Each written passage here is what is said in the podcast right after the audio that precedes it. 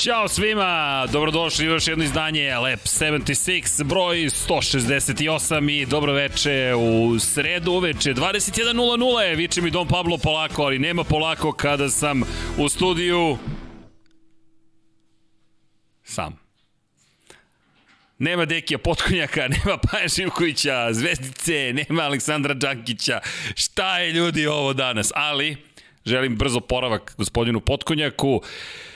Pokušali smo da se organizujemo, da, da, da danas ne budem sam, ali nije se desilo. Aj, nisam sam, vi ste tu, tako da nadam se da ćete mi praviti društvo, nadam se da će biti na adekvatnom nivou, da ću vas zabaviti, informisati, da ćemo proći kroz važne vesti s obzirom na činjenicu da se približava sezona Moto Grand Prix-a, da smo dobili prezentaciju prvih boja, ne mogu da kažem baš novog motora, s obzirom na činjenicu da je prošlogodišnja verzija Ducati, ali Gresini su se pojavili u novim bojama, to je jedna od najvažnijih vesti, međutim, Pre svega nadam se da će moji dragi prijatelji i kolega Deki Potkonjak biti potpuno spreman. Ko zna, možda čak i sutra, ali činjenice je da večeras baš nije mogao. Juče nije mogao. Držimo mu palča će se brzo oporaviti. Nije COVID, to mogu da vam kažem, ali mora da se inhalira.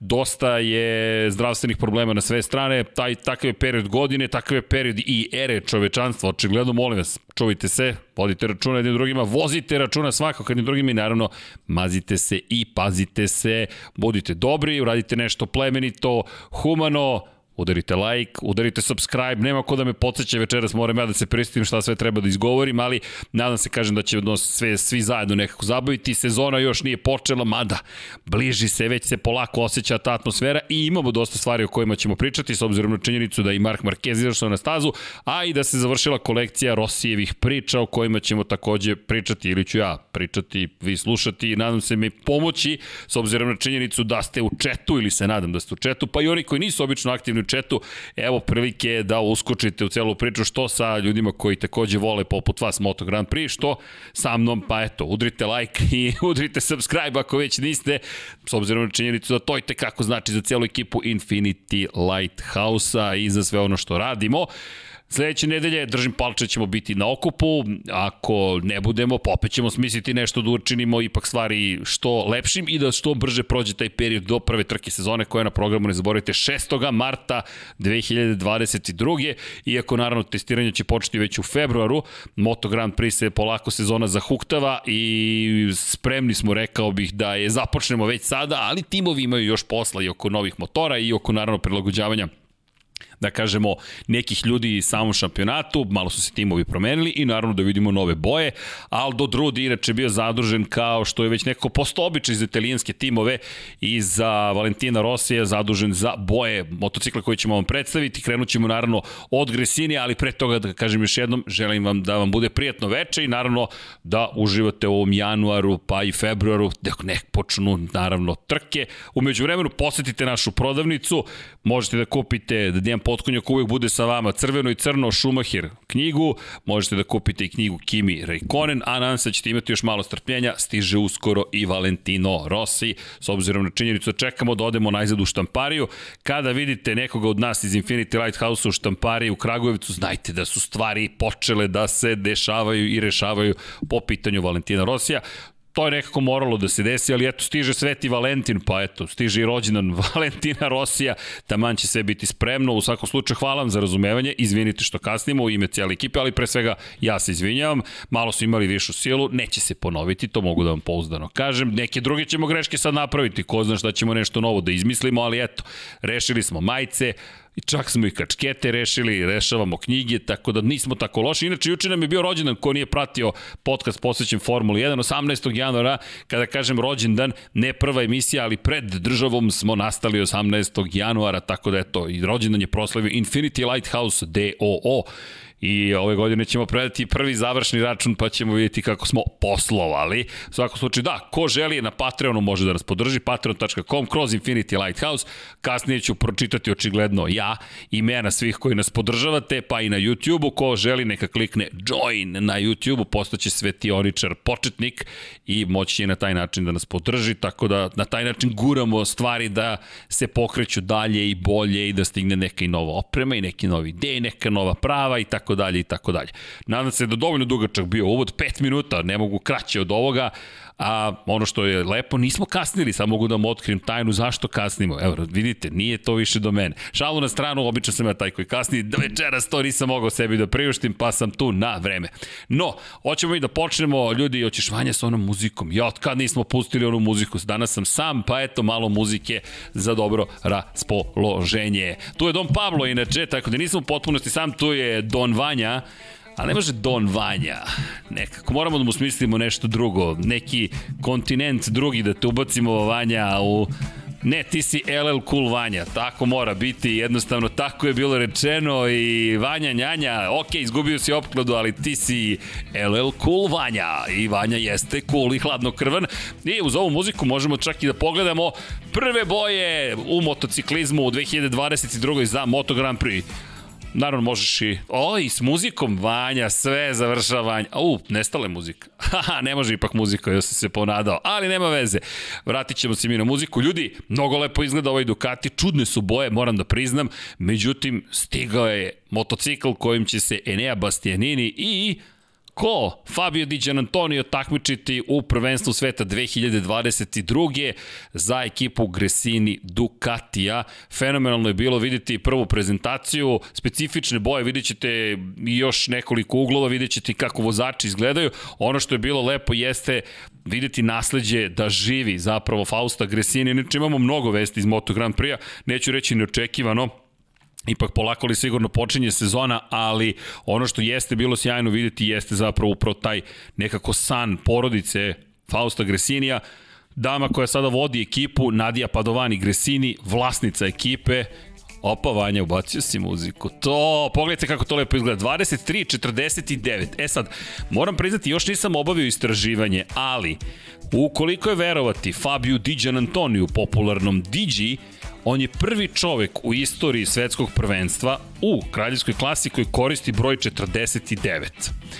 Dakle, to je nešto što moramo da istražimo ukoliko je tačno njegovo istraživanje. Evo, prvi put i rekao hteo sam da imam jedinstven broj. Pa Fabio Diđan Antonio, to je Diđa, ako si to urečenio, ipak nam je Fabio Fabio Quartararo, ne zameri, usvojili smo jednog Fabija već kao Fabija odomaćio se, broj 49 svaka čast.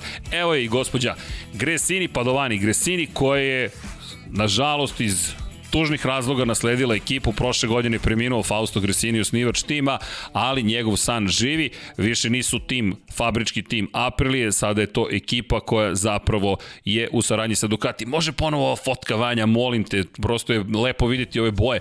Verite pažnju na boje, Aldo Drudi, za one koji ne znaju, da, inače, kada spojim priču, Valentino Rossi, jedna od najnovijih priča je između ostalo o njegovim kacigama.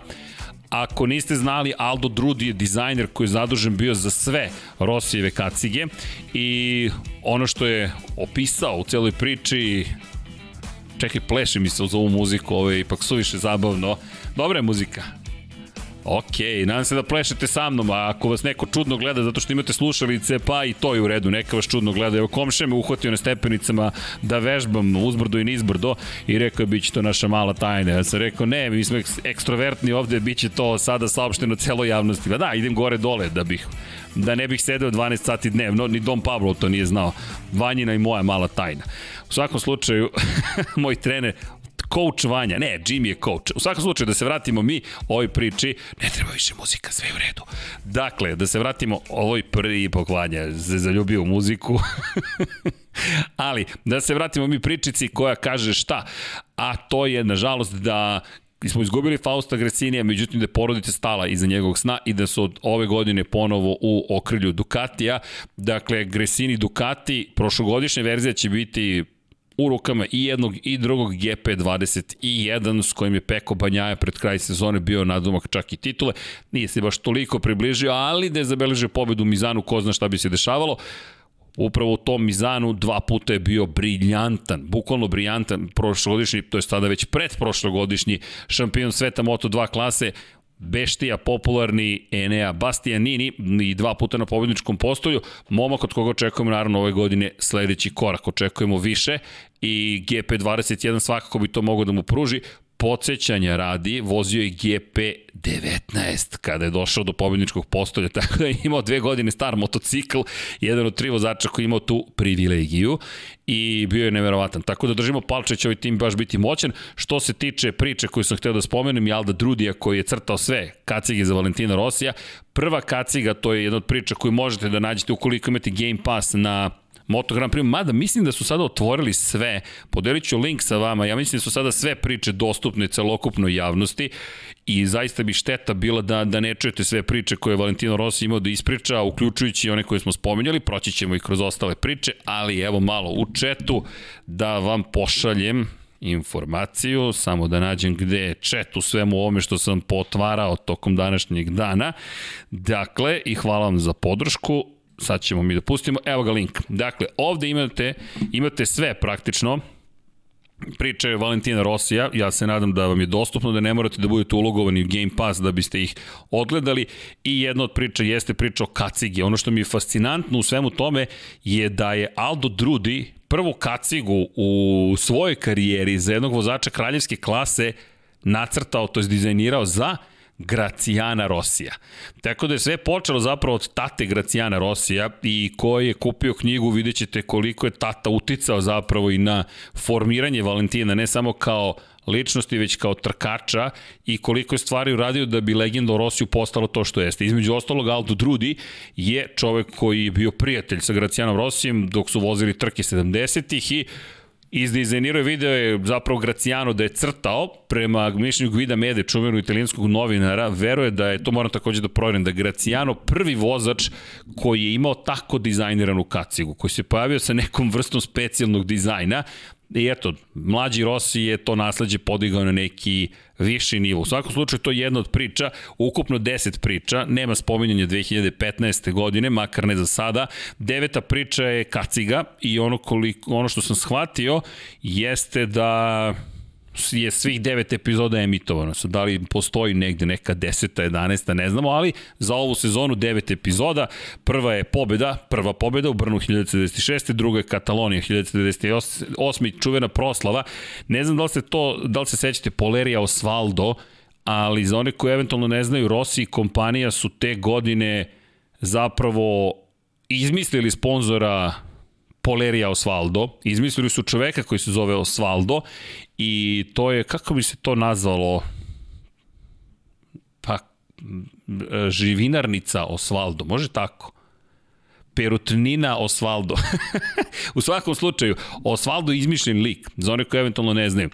I napravili su majice Polerija Osvaldo, ljudi su toliko hteli da kupe te majice da su počeli da razvijaju biznis koji je kasnije prerastao u zaista biznis proizvodnje majici za Valentina Rosija koji sada pruža uslužne usluge zapravo namenska industrija to postade za za vozače kad kažem namenska bukvalno to i mislim to vam je sastavni deo opreme vozača. Morate da imate svoj merch ili ti merchandise.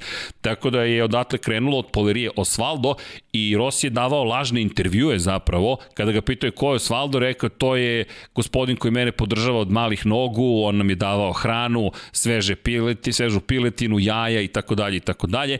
Kada su italijanski mediji Rai Due ili Rai Un došli da intervjuišu Osvalda u Tavulju, bukvalno su izmislili čoveka, zamolili su jednog od meštanina da u daljini bude Džangrizav i da se svađa s Valentinom kada dođu da ga snime kamere, pošto nisu znali šta da rade i nisu dozvolili zapravo da se obavi intervju. Kasnije su napravili čak intervju, naljutili su se predstavnici Raja na Valentina Rosija, oprostili su mu relativno brzo, ali to u to vreme klinac od 19 godina da vas, ne mogu da kažem, vuče za nos, ali manje više to učinio zajedno sa svojim drugarima od jedne laži nastade cela kampanja. Tako da je to bilo zanimljivo. Sve se završilo time što se u Montmelu 2000, oprosti, 1998. u Barceloni jedan od predstavnika njegovih kluba obožalaca popeo na motocikl i vozio ga u krug. Obećao mu je da ukoliko pobedi i ukoliko spremi lutku u obliku pileta, to jest kokoške, da će ga voziti. Zaista ga je vozio na motoru od 250 kubika jeste, to je bila Aprilia RS 250 i tako.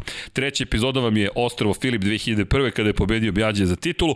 Zatim četvrta epizoda, prelazak iz Honda u Yamahu, The Switch čuveni, To je Velkom 2004. prva pobjeda i prvi nastup za Yamahu, zatim poraz je peta epizoda 2006. Valencija protiv Nike Hejdena, zatim šesta epizoda Laguna Seka 2008. O tome smo pričali preticanje, sedma je bila Katalonija 2009. veliko rivalstvo sa Jorgeom Lorencom, osma Mugello 2010. povreda, zanimljiva veoma priča iz perspektive toga što je otkrio još neke od detalja koje nismo znali. Sada mnogo više priča Valentino Rossi, to je sve snimljeno pred kraj zvaničnog dela karijere vozača kada je u bojama Petronasa zapravo davao izjavi koliki je pritisak osjećao i na koji način je pristupio tim trkama, čuvena povreda i levog ramena pre posle trke u Kataru na kojoj je pobedio i za kraj Kacige, to jest Kaciga Mugello 2008 čuvena kaciga kako vrišti kada se približava prvoj krivini San Donato i to ideja Alda Drudija, inače sve kacige su tako dizajnirali. Odoh ja na Drudija, zašto? Zato što se Gresini motocikl pojavio u kadru i ako pogledate, boje jesu specifične, baš smo pozvali Hasana Bratića, inače našeg dragog prijatelja i kolegu, fotoreportera koji pre svega prati Formulu 1, može se desiti da ćemo ga vidjeti i na nekim stazama Moto Grand Prix. Hasane, ukoliko pratiš, ukoliko mi budemo u blizini, računaj da si deo ekipe, mi ćemo sve da se pobrinemo za tebe, ali ono što i njega i mene zanima jeste boja. Kako ova boja izgleda uživo zapravo, s obzirom na činjenicu da je nesvakidašnja, međutim Aldo Drudi rekao da je želao jednu posebnu boju. Inače, Vanja, ako vratiš kadar I ako pogledate, moram da priznam da još ne znam tačno šta znači ovo što piše napred, da li je sponsor ili je ime, ali imate, kada pogledate, obratite pažnju, Gigeta piše ispod brojeva. Piše Gigeta. Sad, ja sam pomislio Fabio Di Antonio da nije njegova Gigeta, ali nije, piše i na jednom i na drugom motociklu, pa eto vidjet ćemo, a Vanja se užive u muziku, ja mislim da mu se definitivno dopalo ovo.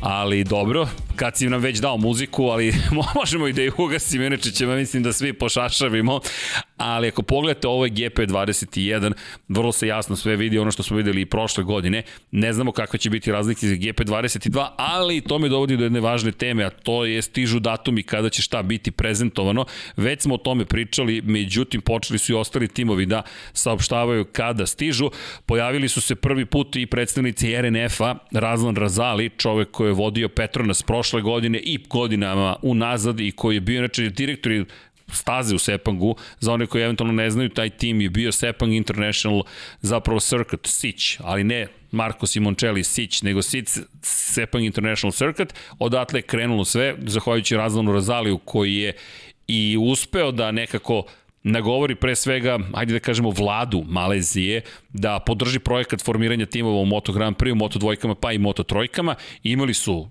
do nekle uspeha u Moto trojkama, u Moto dvojkama najmanje, u Moto Grand Prix zahvaljujući Fabio Quartararu u jednom momentu na vrhu sveta praktično, u malo nisu postali i prvaci, posle su dobili Valentina Rosija, oproštena sezona nije mala stvar, a Kajruli Idan Pavi je inače postao čovek koji je donosio, doneo donio prve pobede, ne zaboravite da je Maleziji, iako je Pavi kasnije nastupao za ekipu Petrona, se nije donio te rezultate, opet nekako taj program celog, celog motivisanja i uvođenja malezijskih vozača donio određene rezultate. Konačno videli smo i u teh tri ekipi Hafiza Šarina kao vozača koji uopšte nije bio loš na privatnoj Yamahi. Elem, Razan Razali se pojavio i predstavio ekipu, ko ne prati, poslaćemo vam link, ali obratite pažnju, još uvek nema sponzorskih boja, međutim, najzad smo videli i Derina Bindera i naravno koga? Broj 04 Andreju Dovicioza na motoru, no, ne sad, ovo nije nova Yamaha, ja verujem, ali činjenica je da smo imali priliku eto, da vidimo nove boje ekipe, inače evo poslaćemo vam link, pa možete sami da ih zapratite na društvenim mrežama s obzirom na činjenicu da je RNF Racing Official jedna nova praktično ekipa, pa eto da ih podržimo, nije da Nije to mala stvar. Za one koji su se tek pridružili, nema dekije večeras, ne zamerite, nije mu dobro, pa ja zajedno sa vama sam solo u studiju i pokušat ću da vam prenesem sve informacije koje su nas dotakle tokom ovih nekoliko dana. Juče su baš saopštili, inače vest se pojavila na crash.net, pa smo je onda svi preuzeli praktično, ali mi volimo da kažemo ko je bio autor. U svakom slučaju, rekao je Razan Razali da nije da nije toliko zabavno graditi drugu ekipu u Moto Grand Prix-u.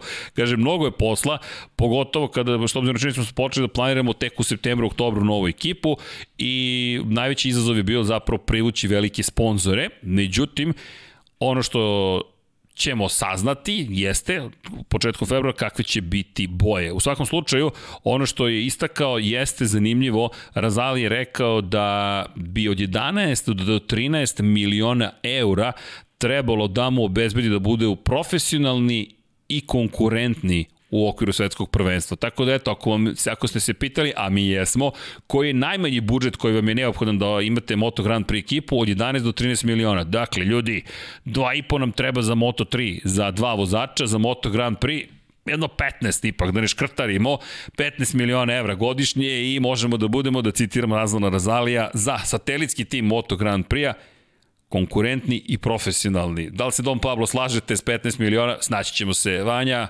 imam i vaš glas. Ok, eto, tako da znate, dobili smo i te informacije, što uopšte nije loše znati.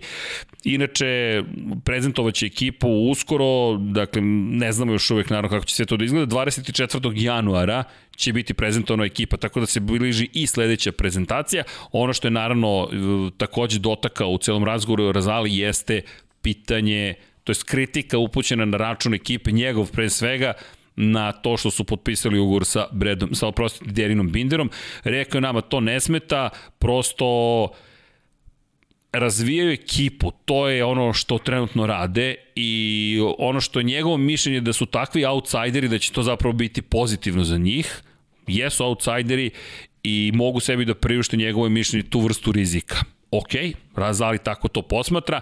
Ono što je važno napomenuti, rekao bih, jeste takođe da je Johan Stigefeld, Johan Stigefeld, nemojte zaboraviti, čovek koji je zajedno sa Razalijem pravio ekipu, neko koga ćemo gledati naredne sezone ponovo u Moto Grand Prix, međutim Johan Stigefeld prema najnovijim vestima je neko koga očekujemo zapravo da se pojavi, to je pre dve nedelje bila vest, u VR46 ekipi. Tako da, Štigi popularni će biti u VR46 timu, makar je to jedna od informacija, Corse Di Moto je to preneo, Tako da, ukoliko je tačna informacija, to će biti vrlo zanimljivo, ali svakako Johan Stigefeld će biti tu. To je ono što smo čuli početkom godine. Tako da ne ide nigde Petrona s tim, samo su se malo razišli, ali držimo palčeve jednima i drugima. Svakako mislim da Valentino Rossi nema mnogo potrebe da držimo palčeve, niti njegove ekipi, međutim, eto, Štigi je i dalje u igri, a što se tiče Razalija, eto, vidjet ćemo 24. januara kako izgleda taj motocikl i kako će. Inače, rekao je da je za njih ta prezentacija mnogo važna. I veruje da će time pokazati svima jasno koliko je taj tim profesionalan i ozbiljan. I ako pogledate fotografiju koju smo podelili sa vama, mada smo ceo profil podelio sa vama, moram da vidim gde je fotografija koju, evo je, sad ćemo da podelimo i fotografiju sa vama.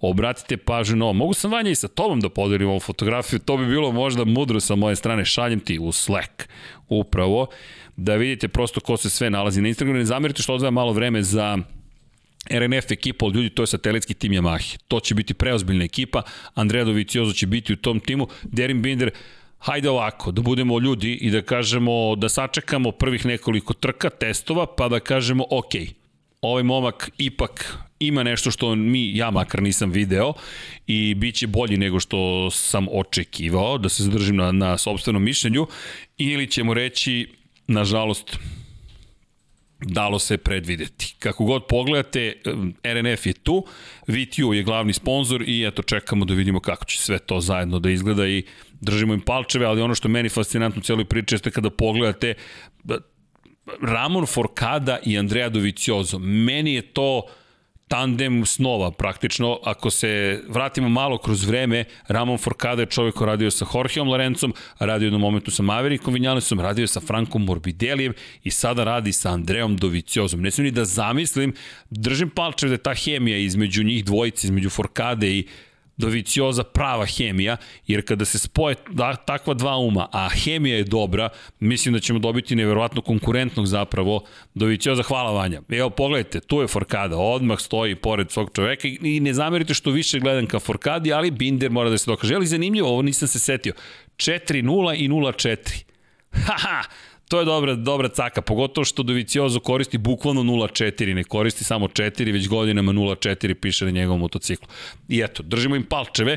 Inače, kada spominjem neke od ključnih vesti, moram da se zadržim na vesti koju smo danas saznali, a to je da je Remy Gardner nažalost imao povredu tokom treninga, motocross, operisan je i očekuju da će biti spreman za testiranja, međutim ne baš način na koji želite da započnete sezonu. Australijanac je dobio dva šrafa u zglob desne ruke i posle operacije koju je obavio već svima dobro poznati Javier Mir u Barceloni, da mislim čovjek operisao svakog čoveka koji ikad seo na motocikl. Dakle, Mir i Barcelona, to vam je destinacija ako neko ima povredu ruke u motociklizmu i već svi znamo i kako izgleda. U svakom slučaju, da je poruka ekipe, naravno da želi brzo poravak, ali dobri su rezultati inicijalni i operacija inače obavljena danas, danas uspešna je bila i 87. će početi proces oporavka već od petka. Nadajmo se da će biti spreman. Činjenica je da kada pogledate nije baš najbolje za nekoga ko tek treba da debituje u Moto Grand Prix, pri čemu njegov klubski kolega Raul Fernandez je potpuno fizički spreman, a verujem i psihički, tako da će to biti interesantno videti. Inače, jednu stvar sam zaboravio malo pre da spomenem, kada je reč o Razaliju, Razali koji je rekao da su Rossi Naravno, mora da se dotakne i Rosija, s obzirom na činjenicu to jedan od najvećih legendi ovoga sporta, rekao je da je zapravo velika razlika između Dovicioza i Rosija. To smo negde i znali, ovo je novi početak nekako za njih, ali mi je bilo to interesantno prosto da, da to poređenje da je prosto i Rossi to je rekao, Razali imao 42 godine u momentu kada su uspostavili saradnju i počeli da, da sarađuju. Dovicioz ima 35, nije baš u cvetu mladosti iz jednog vozača, ali je veoma mlad čovjek, to su to nije veliki broj godina, Vanja tebe još uvek ne računam, ali jednog dana doći će i taj moment kad napuniš 30, zovi me kad napuniš 30, nadam se da ćemo i dalje sarađivati, da ćeš reći, ok, jer tam se najviše krizira, sa 40 već ti je sve jedno, odmah da ti kažem. Već si došao do stadijuma, ne, ne, svaka sledeća je sve bolja i bolja, sa 30 kriza krene, ja, da li sam postigao dovoljno, šta sam učinio, da li sam na pravom putu, gde ide moj život, bla, bla, bla, 40 Verovatno si već na pola puta ili tu negde kažeš, ma daj, sad ću samo da uživam. Šta god da je ispred mene. Tako da, da se vratim na Dovicioza, 35 godine, 35 godina, izvinite, i ono što je naravno važno pomenuti, prošle godine Dovi imao dvogodišnje, dve godine star motocikl. Tako da, rekao je i po pitanju godine postoji razlika, međutim i njih dvojica generalno su drugačiji, ali Razali dalje veruje da mogu da se bore za titulu, pa eto, držimo im palčeve. No, da se vratimo mi ostalim vestima, kada pričamo o borbi za titulu. Ja, Vanje, možeš na Dropboxu da nađeš Lab 76 broj 80. Imaš tamo jedan video jednog starog svetskog šampiona. Dobio sam pitanje pre, ne, pre neki dan da li možemo da, da li da mogu da odgovorim na pitanje koja je razlika između RC 213V i RC 213VS. Ko želi da sazna, neka pogleda Lab 76 broj 80, ali tu smo mi da odgovorimo na pitanje zašto. Mark Marquez je ljudi testirao i motocikl u Portugalu, koji je veoma blizak. Molim? Ne, imaš Mark, možda je Mark, ali nije, nije, nije. Trebalo bi da imaš tehnički kutak. Tako je. Um, tako je. I vidjet ćete sad još jednom da kažemo, neka kažu oni koji su vozili Moto Grand Prix motocikle, ali samo da napomenemo za oni koji eventualno ne znaju, ko zna, ne zamerite, ali malo koristim i priliku da iz arhive izvučem neke stvari s obzirom na činjenicu da sam potpuno sam, pa će to biti moment za hidrataciju za mene. Hidrirajte se, vodite računa o sebi, morate da budete hidrirani redovno. Inače, vidio sam neki video na YouTube ima dobar, dobar kanal o čoveku koji inače bio i vojni i civilni pilot o tome da li piloti piju vodu tokom letova, pošto je jedan od mitova da ne piju, da ne bi morali da idu u toalet. Ne, ne, dobiju obavezni litra vode koji moraju da popiju i kad idu u toalet obaveste stewardessu da im obezbedi prolaz da niko ne primeti da izlaze. Naravno u većim avionima, u manjim to se uvek vidi, ali najnormalnije idu u toalet. Ako nekog zanima ta informacija. Jes, imaš video? To, Vanja, hvala. Yeah, I unfortunately got to ride it uh, a couple of weeks ago in, in Catalonia, the GP, and was thoroughly impressed with the thing. You know, I only did one lap, and, and that's all I needed to realise, you know, the sort of potential it had, and it was uh, it, it, surprised me. How close is it? Extremely close. Um, a lot more than, than I ever kind of expected. Uh, um, to put a number on it, I can't really say, uh, but I don't think, you know, I don't don't think you'd embarrass yourself if um, you know if you tried to qualify for a, a MotoGP race. If um, you know you had all the right tyres and changed the brakes out for carbon and things like that, that um, you can't run on the road, of course. Those, those few little things and, and you know get it to within spec. I think uh, you can quite do all right. Zašto smo pustili ovaj video? Pa Mark Marquez je testirao upravo RC 213 VS u Portugalu pre dva dana i kao što ste čuli Casey Stonera, to je korak praktično od Moto Grand Prix motocikla. Inače, 2015. je predstavljen taj motocikl, tako da jeste on star nekoliko godina, ali verujte, to i dalje praktično Moto Grand Prix. Mašina 900 mislim da je 99 kubika, ako sam dobro zapamtio, i V4 klasična, to je klasična, bukvalno je uzet motor praktično iz Moto Grand Prix-a i uba, nije li ubačen, jednostavno su mu dali retrovizore, stavili su mu žmigavce, obavezna svetla, mesto za tablicu i rekli ovo je ulični motocikl, ne smete da koristite kočnice sa ugljeničnim, od ugljeničnih vlakana, već čelične diskove i morate da imate, jel te, tablicu i to je manje više to. Dakle, ono što je zakonski minimum da biste registrovali motocikl, to je Honda uradila sa RC 213 VS što ne znam da li je bio plan, omogućava da svako od njenih vozača de facto izađe ne na superbajku, nego na MotoGP motociklu i da obavlja testove. Rupa u pravilniku, pa možda, ali pričali smo to i prošle godine i opet i tad je Marquez bio na motociklu istom tom, pa smo se tada i bavili tom temom, pa eto čisto za one koji ne znaju, ljudi, de facto je u pitanju Moto Grand Prix motocikl. Zašto je to važno? Pa iz dva razloga. Prvi i osnovni, Mark Marquez meni deluje, to smo prošle nedelje spekulisali deki ja, spremno za testiranja u Maleziji. Iskreno, ubeđen sam da ćemo ga vidjeti tamo. 65 krugove vozio u Portimao. Ljudi, 65 krugova, to su tri trke. Dakle, mi ne govorimo ovde, izašao je, vozio pet krugova, dva, tri kruga i vratio se nazad u garažu. Ne, ne, čovek je uradio sve što je moguće, pre toga je bio na motokrosu, nije se štedeo, sada je na de facto motociklu koji će, čuli ste i Casey Stoner, možete svojim motociklom da vidite da se kvalifikujete u Moto Grand Prix i koliko god je napredovao Moto Grand Prix promenio se, vremena se nisu toliko promenila da ovo nije autentični test. Ono što je komentar ljudi koji su bili tamo je da je bio nasmejan celoga dana, inače njegov njegova izjava je da je veoma srećan, da je prvi put na motociklu na stazi, to je prvi razlog, i ono što je mogao da potvrdi jesu osjećaj koje je imao i kada je bio na motokrosu, kao i sada na stazi odlično se osjeća, olakšanje osjeća, s obzirom na činjenicu da kada vozi nema nikakvih problema sa vidom. Da, za one koji eventualno ne znaju, Plopija je u pitanju, dakle, stanje u kojem imate zapravo dvostruku sliku u jednom od oka i ozbiljan problem, zbog toga i nije vozio na završnici prethodne sezone, propustio nekoliko trka, imao je vrlo ružan pad, to je stara povreda za Marka Markeza iz 2011. godine, imao operaciju između 2011. i 12. sezone i te godine jedva stigao na sezonu, ali postao prvog sveta u Moto dvojkama prošle godine bili smo zabrinuti pogotovo posle svih problema sa rukom koji imao iz 2020. pa problemi sa vidom, da li ćemo ga uopšte videti na stazi. Videli smo ga, spreman je i čekamo ono što je sledeći plan prema njegovim rečima jesu 5. i 6. februar, kada će pokušati da testira u Sepangu, naravno na verziji Honda za 2022. godinu. Tako da već imamo pozitivne znake perspektive toga da će naredna sezona koja je pred nama biti još uzbudljivija. Jer Mark Marquez je osmostruki šampion sveta.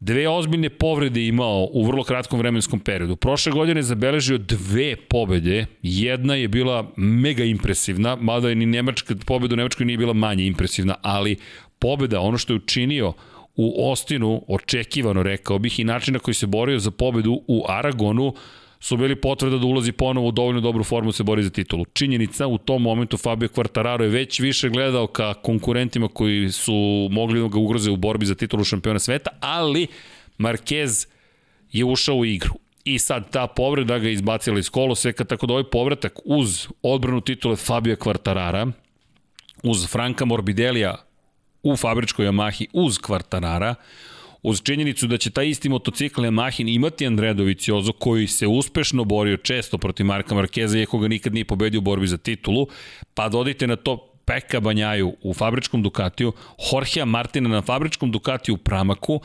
svakako i Jacka Millera, pa i Joana Zarka, pa u sve to dodajte Luku Marinija koji će takođe imati GP22, pa povrh svega toga ubacimo čoveka koga ste malo prevideli, Eneu Bastianinija Beštiju na prošlogodišnjoj verziji Ducatija, uz dvojicu Novalije, Fabio Di Antonija i Marka Beceki je takođe na Dukatima, već to je puna kapa. A onda Joan Mir, Alex Rins na Suzuki-ima, možda Aprilia sa Maverickom i Alešom Espargarom nešto učini i onda dolazimo do toga da moramo da obratimo pažnju na Hondu. I Honda je nastavila da priča o tome šta je pripremila za novu sezonu. Nije se samo oglasio Mark Marquez iz perspektive Honda i Pole Spargaro imao šta da kaže. Generalno su vrlo svi zadovoljni onim što je pripremila Honda i sve više pričaju o tome. Meni to nekako obećava da su samouvereni inženjeri, ali rekao bih i da su vozači svesni da je nešto ipak novo Ono što su rekli jeste da je zanimljivo i Alex Marquez i Pole Spargaro su bili zadovoljni, rekli su da je novi motocikl bolji. Prerano je da se priča o tome koliko je bolji i ono što jedva čeka jeste zapravo da se izađe na stazu. Naravno, dodao je Pole Spargaro, nismo mi jedini koji igraju igre i nismo mi jedini koji će imati novi motocikl na stazi. Tako da trljamo ruke, čekamo, ali svi veruju da ovo korak ozbiljan korak u napred. Ono što će biti zanimljivo jeste da je to potpuno nova Honda i da ćemo videti da li taj novi RC, to je novi model RC 213V, bez S, može da pomogne Polu, Polu Espargaru. Tako da eto, koliko nam je još ostalo do, do testova? Pa 10 dana, je li tako? Uhu, ja se nadam da ste spremni, ovde se trljaju ruke. 6. februar bi trebalo da bude nedelja, je li tako? 13. februar je Znam po Superbolu, 13. februara Super Bowl, da, Clash u Koloseumu, NASCAR je 6. tako da 5. 6. subota, nedelja. Au, i Clash u Koloseumu, sutra počinje svetsko prvenstvo u reliju za ljubitelje brzine.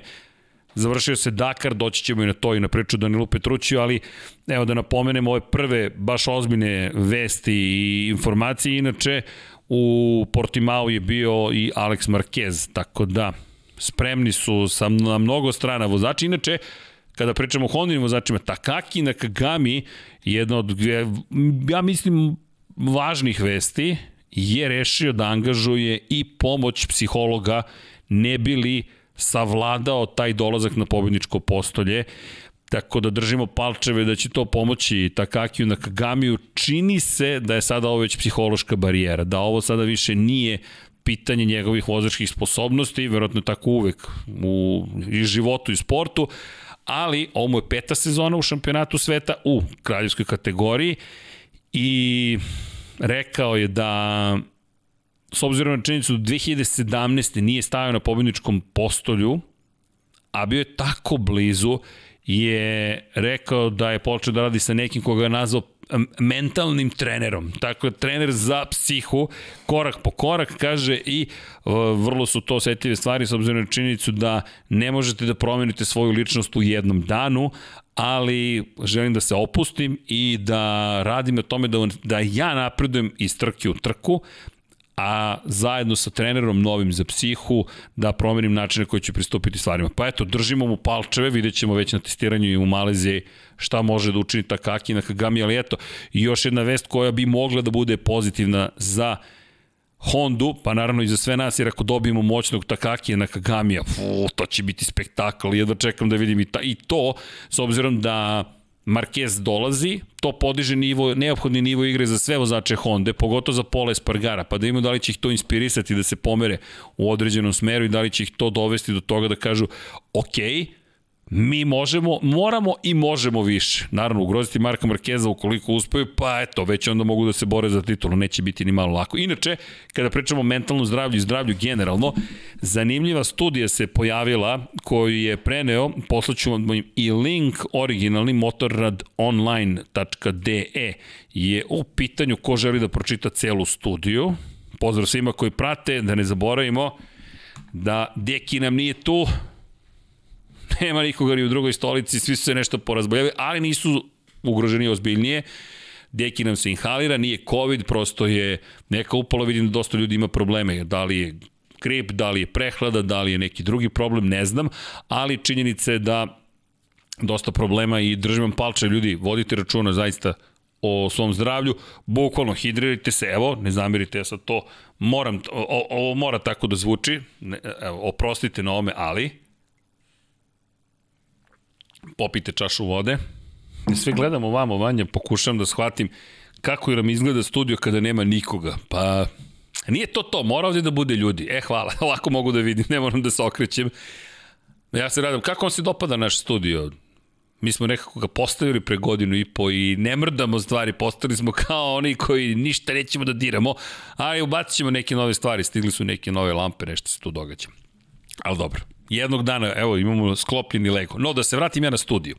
Šta kaže studija? Studija kaže da su zapravo Moto Grand Prix vozači zaista ljudi nad ljudskih sposobnosti. Zanimljivo.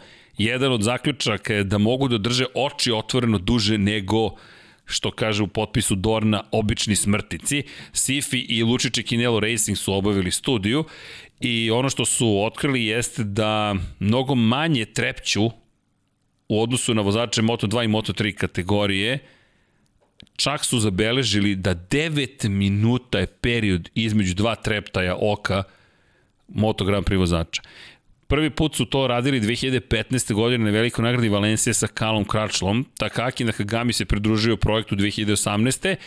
I 2019. su pratili Moto3, Moto2 i Moto Grand Prix vozače.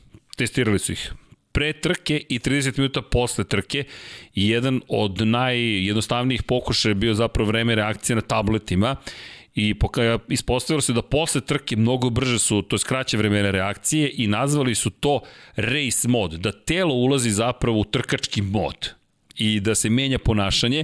Drugi test je bio odgovor zapravo Zenica i ispostavilo se da, na primjer, trčanje dosta ih izlaže opterećenju ozbiljno. Sad zašto ovo sve govorim? Pa zanimljivo je u međusezoni pričati o tim stvarima.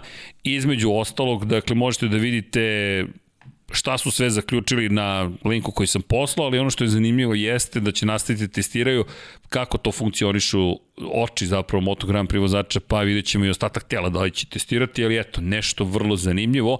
Ono što su rekli jeste da bi svi morali da testiraju vid zapravo svake godine i drugo, ovo, ovo, ovo je važno za njihovo zdravlje, jeste da, pa preporuka i za vas, da kada je reč o zaštitnom, to jest UV faktoru za one koji voze motore, obratite pažnju na to, s obzirom na činjenicu da vizir vam štiti oči upravo od ultraljubičastog svetla, Pa eto, nešto novo izašlo. Moram priznati da mi je bilo zanimljiv naslov da su da je, da je opitaju, eto, jedan takav, tako zanimljiv test. Ali eto, pogledajte, inače, nazvali su to MBI, Maximum Blinking Interval i kod Moto Grand Prix vozača je otišao preko svih granica, kažem, skoro na 9 minuta u jednoj situaciji. Eto, kome je to zanimljivo, ima link, pa pogledajte šta se sve zbiva, ali kažem, u u okviru priprema za sezonu praktično svaka informacija je tekako zanimljiva. Inače, Ducati Lenovo tim je saopštio da je vreme da se prezentuje novi GP22, jedva čekam i da imamo boj, da imamo kako će to sve da izgleda. Osam Ducatija ove godine ćemo imati i spremaju se za prezentaciju, tako da moćete 28. januara to da ispratite, 16.00 je vreme kada će biti domaćini praktično i možete to da pratite na društvenim mrežama Ducatija, rekao sam već, pokušat ćemo mi možda da dobijemo pravo da nešto toga prenosimo pa da damo naš komentar, ako ne uspemo pa ostaje vam prilika da eto pratite na njihovim društvenim mrežama i na motogp.com, tu će takođe biti direktno preneta prezentacija i bit će besplatan pristup, tako da možete da ispratite. Jedva čekam i boje i naravno da vidimo novitete, šta ima eventualno na tom motoru, mada, mada budimo realni, i kada dođe taj 28. januar može se lako desiti da neće staviti sve na taj Ducati, što ćemo videti na testiranjima 5. i 6. S obzirom na činjenicu da i tih 7 dana može pomoći nekome u Hondi, Yamahi, Aprili, KTM-u, Suzuki-u da kaže, aha, ovo je zanimljivo rešenje. Tako da, verovatno ćemo tad videti boje, ali bez obzira. I to je zabavno. Tako da eto, sprema se Ducati Lenovo ekipa za prezentaciju. I još jedna stvar koja se desila umeđu vremenu, kup talenata Severa, predstavljeni su vozači koji će nastupati, tako da ćemo, ne, ne Severa, oprostite, Severne Amerike, da ne zaboravim da se i to takođe dešava, tako da dosta vozača iz Severne Amerike nastupa. Ono što je zanimljivo, pored Amerikanaca kojih ima zaista mnogo, dakle, dosta prijavljenih vozača, imamo i jednog pre Meksikanca, Emiliano Arsinijega, Monkey Ranch USA ekipa, pa eto držimo palčeve da ćemo vidjeti jednog Meksikanca, Kanadjana ima, Filip de Gama Blanchet se pojavio i Jack Boydry, Boydry je predstavnik Kanade. Pa eto i to je još jedan kup talenta koji ćemo imati prilike da pratimo. Javlja mi se sad pa ću to da isključim, ali ono što je zanimljivo da makar meni nema KTM-a, nema Honda, već motocikl koji će koristiti Aprilia RS 250 SP2 je u pitanju. Tako da eto, i Aprilia dobila svoj kup talenata u Severnoj Americi, ali ga je dobila. Honda je zadužena za kup talenata Azije, KTM za Red Bullov kup Novajlija, KTM koji pokriva zaista veliki broj takmičenja, čak i kup talenata Severa je pod okrenjem KTM-a, Honda dobila neka druga takmičenja, tako da eto, lepo je vidjeti i Aprilija da je u toj igri sa, naravno nije to ona Aprilija RS 250, da ne bude neke zabune, kad spominju sam je početkom ovog podcasta, ovo je neka druga mašina, naravno četvorotakni motori su u pitanju, ali ona legendarna kultna, kultna RS 250, pa to je sada sanak pusti, ali ko to ima prilike da čuje, proba, vidi, pomiriše, uživajte u, u tome. A, ono što je tu zanimljivo jeste činjenica da se poveća broj američkih vozača, tako da će to biti nešto što verujem da treba ispratiti i da bi trebalo da pohvatamo imena i prezimena ljudi koji će se tamo nalaziti. Dorne počela značajno da gura dolazak američkih vozača u svetsko prvenstvo, mogli ste to da vidite kroz American Racing, mogli ste da vidite i kroz napredak Joa Robertsa, kroz činjenicu da je John Hopkins sve češće tu, kroz činjenicu da je Randy Mamola i tekako aktivan u kontekstu promocije tog programa, Tako da očekujte da se poveća Cameron Bobije je odličan bio prethodne godine, ove godine test za, za Bobija, petostrukog šampiona u Superbike Amerike i eto to je isto zanimljivo videti. Inače, za 2022. imamo još nekih noviteta u juniorskim kategorijama. Moto3 svetsko prvenstvo za juniore će postati praktično Junior Grand Prix World Championship. Tako da se malo menja način na koji će to biti prezentovano i delit će ime identitet sa drugim serijama u celini. Tako da ćemo dobiti neku vrstu svetskog prvenstva za juniora, hajde tako da tako nazovem. I kada pričamo o moto trojkama, to i dalje ostaje glavno prvenstvo. Ali eto da znate da se tu polako pripremaju promene, pogotovo u kontekstu toga što će to sada biti veoma važno, s obzirom na činjenicu da ne možete da budete mlađi od 18 godina da biste ušli u svetsko prvenstvo, da ga nazovem za seniore. Tako da moraju, moja pretpostavka, samo nisam još pričao ni sa kim iz Dorne, da je zapravo način na koji će povećati zvučnost i važnost tog šampionata iz marketinške perspektive celokupnoj javnosti. Pa eto, pratit ćemo. Ono što je takođe bitno, rekao bih, jeste da će kup talenta Evropi dalje biti. Inače, to ćemo sve prenositi i da će, sport klub naravno, i da će Moto2 šampionat Evrope biti takođe veoma značajan u okviru tog krovnog šampionata Junior GP-a, kako su ga nazvali. Tako da, eto, da znate, nova era, novi logotip, nova, novi logotip za Moto3 kategoriju, tako da dosta toga se menja, ali Vidjet ćemo kako će nam to doneti rezultate, držimo im palče u svakom slučaju. I još jedna vest iz te juniorske ekipe, to je grupe vesti koju dobijamo, a to je da je kup talenata Velike Britanije takođe saopštio imena momaka i devojaka koje će nastupati tamo. Pratit ćemo naravno ko sve dolazi. U Velikoj Britaniji imamo zapravo jednog Amerikanca, Elijah Benish se tu nalazi, i imamo Keanu Veira koji dolazi iz, ako sam sve dobro pohvatao. Imamo i Severnu Irsku, imamo čak i par predstavnika drugih država. Moram priznati, da moram da se raspitam kako je to sada izvodljivo, pošto je to trebalo bude ograničeno na Veliku Britaniju, ali izgleda i Holandija uspela da dobije neki od predstavnika. U svakom slučaju, eto, noviteti, 32 vozača će tamo biti, mada to su sada te kvalifikacije. Kako god pogledate, zbivaju se neke stvari u motociklizmu. Inače, pošto smo promovisali Rosijeve priče, Fabio Quartararo takođe ima svoj serijal kao svetski šampion i to ćemo vam preneti sledeći put, pa pažljivo ćemo pogledati pa ćemo vidjeti šta zanimljivo su sve rekli ili šta je rekao Fabio Quartararo u celoj priči, s obzirom na činjenicu da je svetski šampion u pitanju prvi francus koji je svoj titul u kraljevskoj kategoriji El Diablo i da njegov serijal eto može da nam otkrije neke nevitete za veoma činjenica mladog vozača, ali to opet govori prema tome koliko je velik uspeh onoga što je postigao. I inače imate Behind the Stars and Stripes, ko može to da isprati na Moto Grand Prix. Topla preporuka.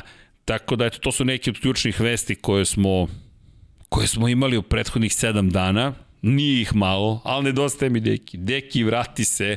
U svakom slučaju, pred nama još malo, pa testiranja počinju, a zašto kažem sutra, pa ako se nekim čudom deki dovoljno oporavi, već je bio na putu oporavka, ne kažem da će se isto desiti, ali sam stvarno zaista mislim da bi bilo bizarno da uradim još jedan Lab 76 i to za redom, ali smo imali ideju da vam prezentujemo zapravo novu sezonu u reliju, što pitanje da li ćemo moći da izvedemo. Tako da ne zamerite, ali pratite na svakom slučaju šta se zbiva na našim društvenim mrežama i naravno na samom YouTube-u.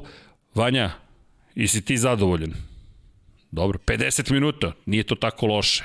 Nisam završio, da se razumemo, samo čekam i vaša pitanja, možda ste ih i postavljali, ali nisam stigao da ih ispratim, s obzirom na činjenicu da je to danas sam solo, pa je potpuna pažnja na onome što se zbiva, jel te, na ekranu i na onome što su bile ključne vesti tokom ova u ovih, ovih sedam dana možemo slobodno da kažemo, ali zaista ima nekih veoma značajnih. E da, Petrući, ja nisam spomenuo. Ljudi, Petrući će da testira Ducati i to za Moto Ameriku, za svetsko prvenstvo se možda pripremi Danilo Petrući, to je velika vest, u malo to da zaboravim i to vam topo preporučujem da ispratite. Navodno bi tre, sledećeg meseca trebalo da se nađe u Portimao i priča se o tome da bi mogao da bude na Ducatiju Moto Amerike.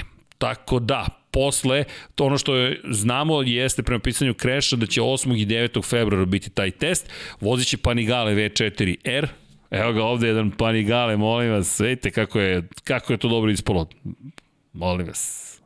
V4R, imate Lego sklopljen, treba vam oko 3-3,5 sata u društvu, dobrom društvu, ali Vozit će, inače, trebalo bi da testira uza Rubinog vozača Alvara Bautistu, to bi trebalo da bude i Michele, Mihael zapravo Rinaldi, a ono što očekujemo tokom tog testa jeste svako se pojavi Toprak razgatli oglu svetski šampion prošlogodišnji zajedno sa Jonathanom Reom, šestostrukim šampionom Superbajka, tako da eto Danilo Petrući iz peska Saudijske Arabije bi mogao da pređe na motocikl koji je nosio, to je koji je koristio prošle godine. Ko?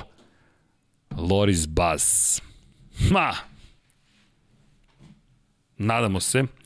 Inače, da znate, neće Petrući naredne godine, ove godine, voziti u svetskom šampionatu, to je test u okviru svetskog šampionata, ali bi trebalo da bude upravo u prvenstvu koje je osvojio kamerom Bobije malo pre spomenuti i mogao bi da se takmiče Superbike prvenstvu Amerike. Tako da eto, pratit ćemo, Loris Baz inače nosi 76 broj, pa nam je jedan od omiljenih vozača, Loris Baz koji ove godine ponovo malo promenio okruženje i bit će zanimljivo pratiti ga. Inače, kada govorimo o onome što je postigao na, na, na Dakaru, e da čestitamo Gaboru Sagmajsteru, završen još jedan, bukvalno, Dakar, da li ćemo uspeti da ponovo se nađemo u studiju, ne znam, držim palčeve, nadam se, zašto? Pa, da čujemo priče sa ovogodišnjeg Dakara, da čujemo kako je bilo, da čujemo šta je uradio to Danilo, koliko je skrenuo pažnju na sebe Danilo Petrući i naravno da, da Možda jednog dana dovedemo ovde, ne možda, nego da se vidimo kada ćemo uspeti da dovedemo Danila Petruća i da spomenem naravno da čestitam Samu Sunderlandu na pobedi koju je zabeležio za Gas Gas Factory Racing. Inače, Plavol Quintanilja je iz Čilea bio na poziciji 2 i Matijas Valner je Valkner, oprostite, završio na poziciji broj 3 za Red Bull KTM Factory Racing. Tako da, Gas Gas, Honda, KTM na prve tri pozicije. Bilo je lepo pratiti prosto ove godine još jednom Dakara, s tim što nismo ga pratili toliko ozbiljno koliko u nekim drugim situacijama jesmo, prosto takva je godina, ali svakako bi Danilo Petrući omogućio da se vrlo, vrlo lepo zabavimo u celoj ovoj priči, a eto, ukoliko bude dobar test, ko zna, možda i uspe da, da u Moto Americi, čujte, jeste malo teži vozač, ali na Superbajku možda to neće toliko doći do izražaja. Možda uspe ipak da se dovoljno brzo i dovoljno dobro prilaguje. Ako pogledate da nikad ranije nije vozio Dakar, da suštinski profesionalno nije vozio te motore nikada ranije i da je Petrući uprkos tome bio u igri za neki od vodećih pozicija da je pobedio u jednoj od etapa, mislim da to dovoljno govori o kvalitetima koje posjeduje Danilo Petrući i uz činjenicu da je bio šampion Evrope u Super štoku, dakle da je praktično sa Super bajka došao u Moto Grand Prix, a vozio je Moto Grand Prix, uspešno zabeležio dve pobede, cenim da ćemo Petrućija videti kako zapravo uh, i kako dobro vozi u Moto Americi. Tako da eto, držimo mu palče, to za malo da zaboravim kao jedan od važnijih vesti, ne zamerite, ali za malo da mi pobegne Petrući. U svakom slučaju, to je, to je baš velika vest. I hajde, da, da, da ne bude da ne spominjemo i ostale vozače, Andreja Janone se oglasio, mislim da smo prošlog puta pričali o Janoneu. Janoneu inače kazna za doping ističe na kraju 2023. godine bukvalno tek su dve godine prošle, za one koje eventualno ne znaju, čuveni i dalje italijanski vozač, popularni manijak, Crazy Joe, tako je samog sebe prozvao, je kažnjen 2019. na 18 meseci suspenzije, čisto brojanje radi, polovinom prošle godine bi mu istekla ta zabrana takmičenja, da nije uložio žalbu na svoju kaznu I kada je to shvatila VADA, Svetska antidoping agencija, da je pravilnik Međunarodne motociklističke federacije FIM u suprotnosti sa njenim pravilnikom, gde je najmanja kazna 4 godine suspenzije, Janoneo je izrečena kazna 4 godine suspenzije. Dakle, žalbom je sebi produžio zapravo za 30 meseci kaznu ne znam šta bih rekao, osim da je None baš zna kako da se uvali u nevolju i dalje tvrdi da je nevin i da je sve to bilo, bilo splet okolnosti, kako god tek 2023. će moći nešto više da postigne i rekao da je bilo baš teško prilagoditi se toj činjenici, ali Janone, da li ćemo videti ikad više u nekom uzbiljnom takmičenju, ja zaista sumnjam, M forma, M refleksi, M takmičarski taj duh, em što radi neke druge stvari. Trenutno je u gostiteljstvu, mi mu svakako držimo palče, pa eto, vidjet ćemo, vidjet ćemo da li ćemo to, da kažem, pomoći. Da to što se oglasio i nekako i dalje održava kontakte sa Moto Grand Prix, pa možda, na, ne znam, da, teško mi je će isto ozbiljnije to da se desi, ali eto, držimo mu palčeve. Inače, Kada pričamo o još nekim stvarima, Iker Lekona se oglasio kao neko ko je potpisao, ne zaboravite, za Honda Superbajku i Čavi Vjerh je potpisao za Honda Superbajku, rekao je što potvrđuje i onu priču o tome da ne očekujemo bilo koga drugog u redu ima Honda osim Markeza, da je njegovo poimanje stvari da neće biti neophodno da menje Markeza na testu u Sepangu, pošto se pisalo dosta o tome da Štefana Bradla svakako očekujemo kao probnog vozača, ali i Kirlekona je bio neko ko je spomenut kao potencijalna zamena za Markeza ukoliko ne bude spreman za nastup u Sepangu, s obzirom na činjenicu da ne želite da vam još jedan motocikl ostane bez vozača, već da želite da izađete na stazu i da prikupite što više informacija. I Kirlekona, međutim, kažem u skladu sa onim što smo i videli u Portimao, da je Marquez spreman, neće se pojaviti u Maleziji. Inače, kada pričamo o Ikiru Lekoni, da spomenem i njega i Čavija Vjerhja, zanimljivo je da je Čavi Vjerhe u razgovoru sa Robertom Jonesom i rekao da je fabrički motocikl u Superbajku bolje imati u svojim rukama nego biti samo neko ko tek tako nastupa u Moto Grand Prix-u. Čavi Vjerhe španski vozač koji iz Petronasa trebalo da pređe u jednom momentu čak i u Moto Grand Prix, trebalo je čak da dobije šansu da vozi prošle godine Moto Grand Prix motocikl kao zamena, međutim to se nije desilo i na kraju potpisao ugovor sa Hondom, rekao je da što se njega tiče ovo je mnogo opcija za njega, pričalo se o tome da bi trebalo da pređe, čak smo u jednom momentu govorili da je to gotovo iznesno da Vierhe stiže ili da će makar jednu trku i uspeti da, da odveze, međutim kako je Petronas povukao sebe iz cijele priče, nestala je i ta priča o Vierheu, međutim spremanje, tako da eto, pratite šta mogu i njih dvojica, to je HRC, to je Hondina trkačka korporacija. Inače, za malo da zaboravim, ono što je bitna vest takođe za HRC jeste da Honda zapravo menja organizaciju svoju. Neko je postavio pitanje prošle nedelje, ako se dobro sećam, da li se razmenjuju informacije između Formule 1 i MotoGP-a i da li ljudi tu mož, da li ljude možemo da očekujemo iz jedne ekipe u drugu ekipe. E sad, šta se desilo umeđu vremenu? HRC, učekaj Vanja, to moram da ti pošaljem, je predstavio novi logotip. Pa eto, da ispoštujemo i novi logotip Hondine trkačke korporacije šta se desilo, pa da citiram našeg prijatelja i kolegu Davida Emeta, neko tko od, otkrio kurziv, to jest otkrio je i talik u HRC-u, evo poslaćemo, šaljem ti Vanja odmah, ne zamerite, to sam zaboravio da bismo mogli da takođe ispratimo, a nije mala stvar s obzirom na činjenicu da je u pitanju ipak najveći tim u Moto Grand Prix-u, e njihov budžet, to smo rekli, ako je Razali imao 11 do 13 miliona, o Hondi se pričalo pre par godina da ima 80 miliona, pa vi vidite gde. Neka i 50, to je skoro pa puta 5. U svakom slučaju, kada pričamo o novom logotipu Honda, Honda više se ne zove Honda Racing Corporation, sada se zove Honda Racing. To je, to je potpis ispod HRC-a, što mislim da nije mala stvar, koliko god možda ovako izgledalo pomalo, neću da kažem naivno, ali kao da se ništa zapravo nije desilo, desilo se. To je zaista velika promjena, moje mišljenje, i smatram da to treba ispratiti. Ono što je takođe važno, Formula 1 će zapravo sada na neki način biti deo HRC-a, što je zanimljivo. Ne zaboravite da će Honda pružati podršku Red Bullu u nastavku da kažem, saradnje sa Red Bullom. Do kraja 2025. i dalje će pružati podršku, tako da to meni makar vrlo, vrlo zanimljivo i moram priznati da čekam da vidim kako će se te stvari dalje razvijeti. Ali eto, spajaju se ti svetovi, Honda koja je rekla možda se jednog dana i vrati u Formulu 1. Ne mogu da nađem vanja legalno logotip, ali ako uspem da nađem, poslaću ti.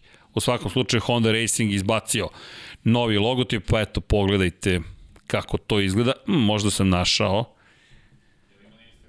Da li ima na Instagramu? Vjerojatno ima na Instagramu. Ma vidjet ćeš, samo je iskrivljen praktično HRC. Da, evo ga. Images, našao sam ga. Stiže ti new logo Honda Racing. 14. januara su predstavili, tako da eto, to je još jedna stiže ti u Slack, Vanja. Evo ga, pošto sve radimo legalno, tako da eto. I ta fotografija je courtesy of Honda Motor Europe. To smo dobili od kolega koji predstavljaju Hondu na evropskom tlu i vrlo jeste zanimljivo iz te perspektive zapravo šta se sve događa, a kada pričamo eto o Formuli 1 vidjet ćemo zapravo vidjet ćemo šta donosi budućnost. Osvojili su titulu s Maxom Verstappenom. No, da se vratimo mi motociklizmu. Ja rekoh završih, ali uvek ima još nešto što se pojavi u celoj priči. Ne zamerite, ali to tako obično ide kada nešto volite, pa vam padne na pamet, pa se setite još nekih stvari. U svakom slučaju, kada je reč o još nekim vestima iz Moto Grand Prix-a, u celoj priči zaboravio sam jednu stvar da, da, da spomenem, a to su zapravo dve, da to je da su prvi utisci o Hondi na osnovu povratnih informacija da je bolja Honda, međutim, gde se čini da će biti zaostatak veći nego što je bio u odnosu na Ducati brzina čista. S obzirom na činjenicu da je Ducati još više napredovao po tom pitanju, čini se da bi tu mogao da se vrati zaostatak koji je postojao između Honda, to je za Hondu u odnosu na Ducati, tako da će i prvi testovi biti vrlo zanimljivi iz svake moguće perspektive, a to je to. Hvala Vanja. Kao što možete vidjeti, što kaže David Emmet, neko je otkrio Italik, bukvalno, i Racing je velikim slovima, ali nema više Honda Racing Corporation, nego Honda Racing.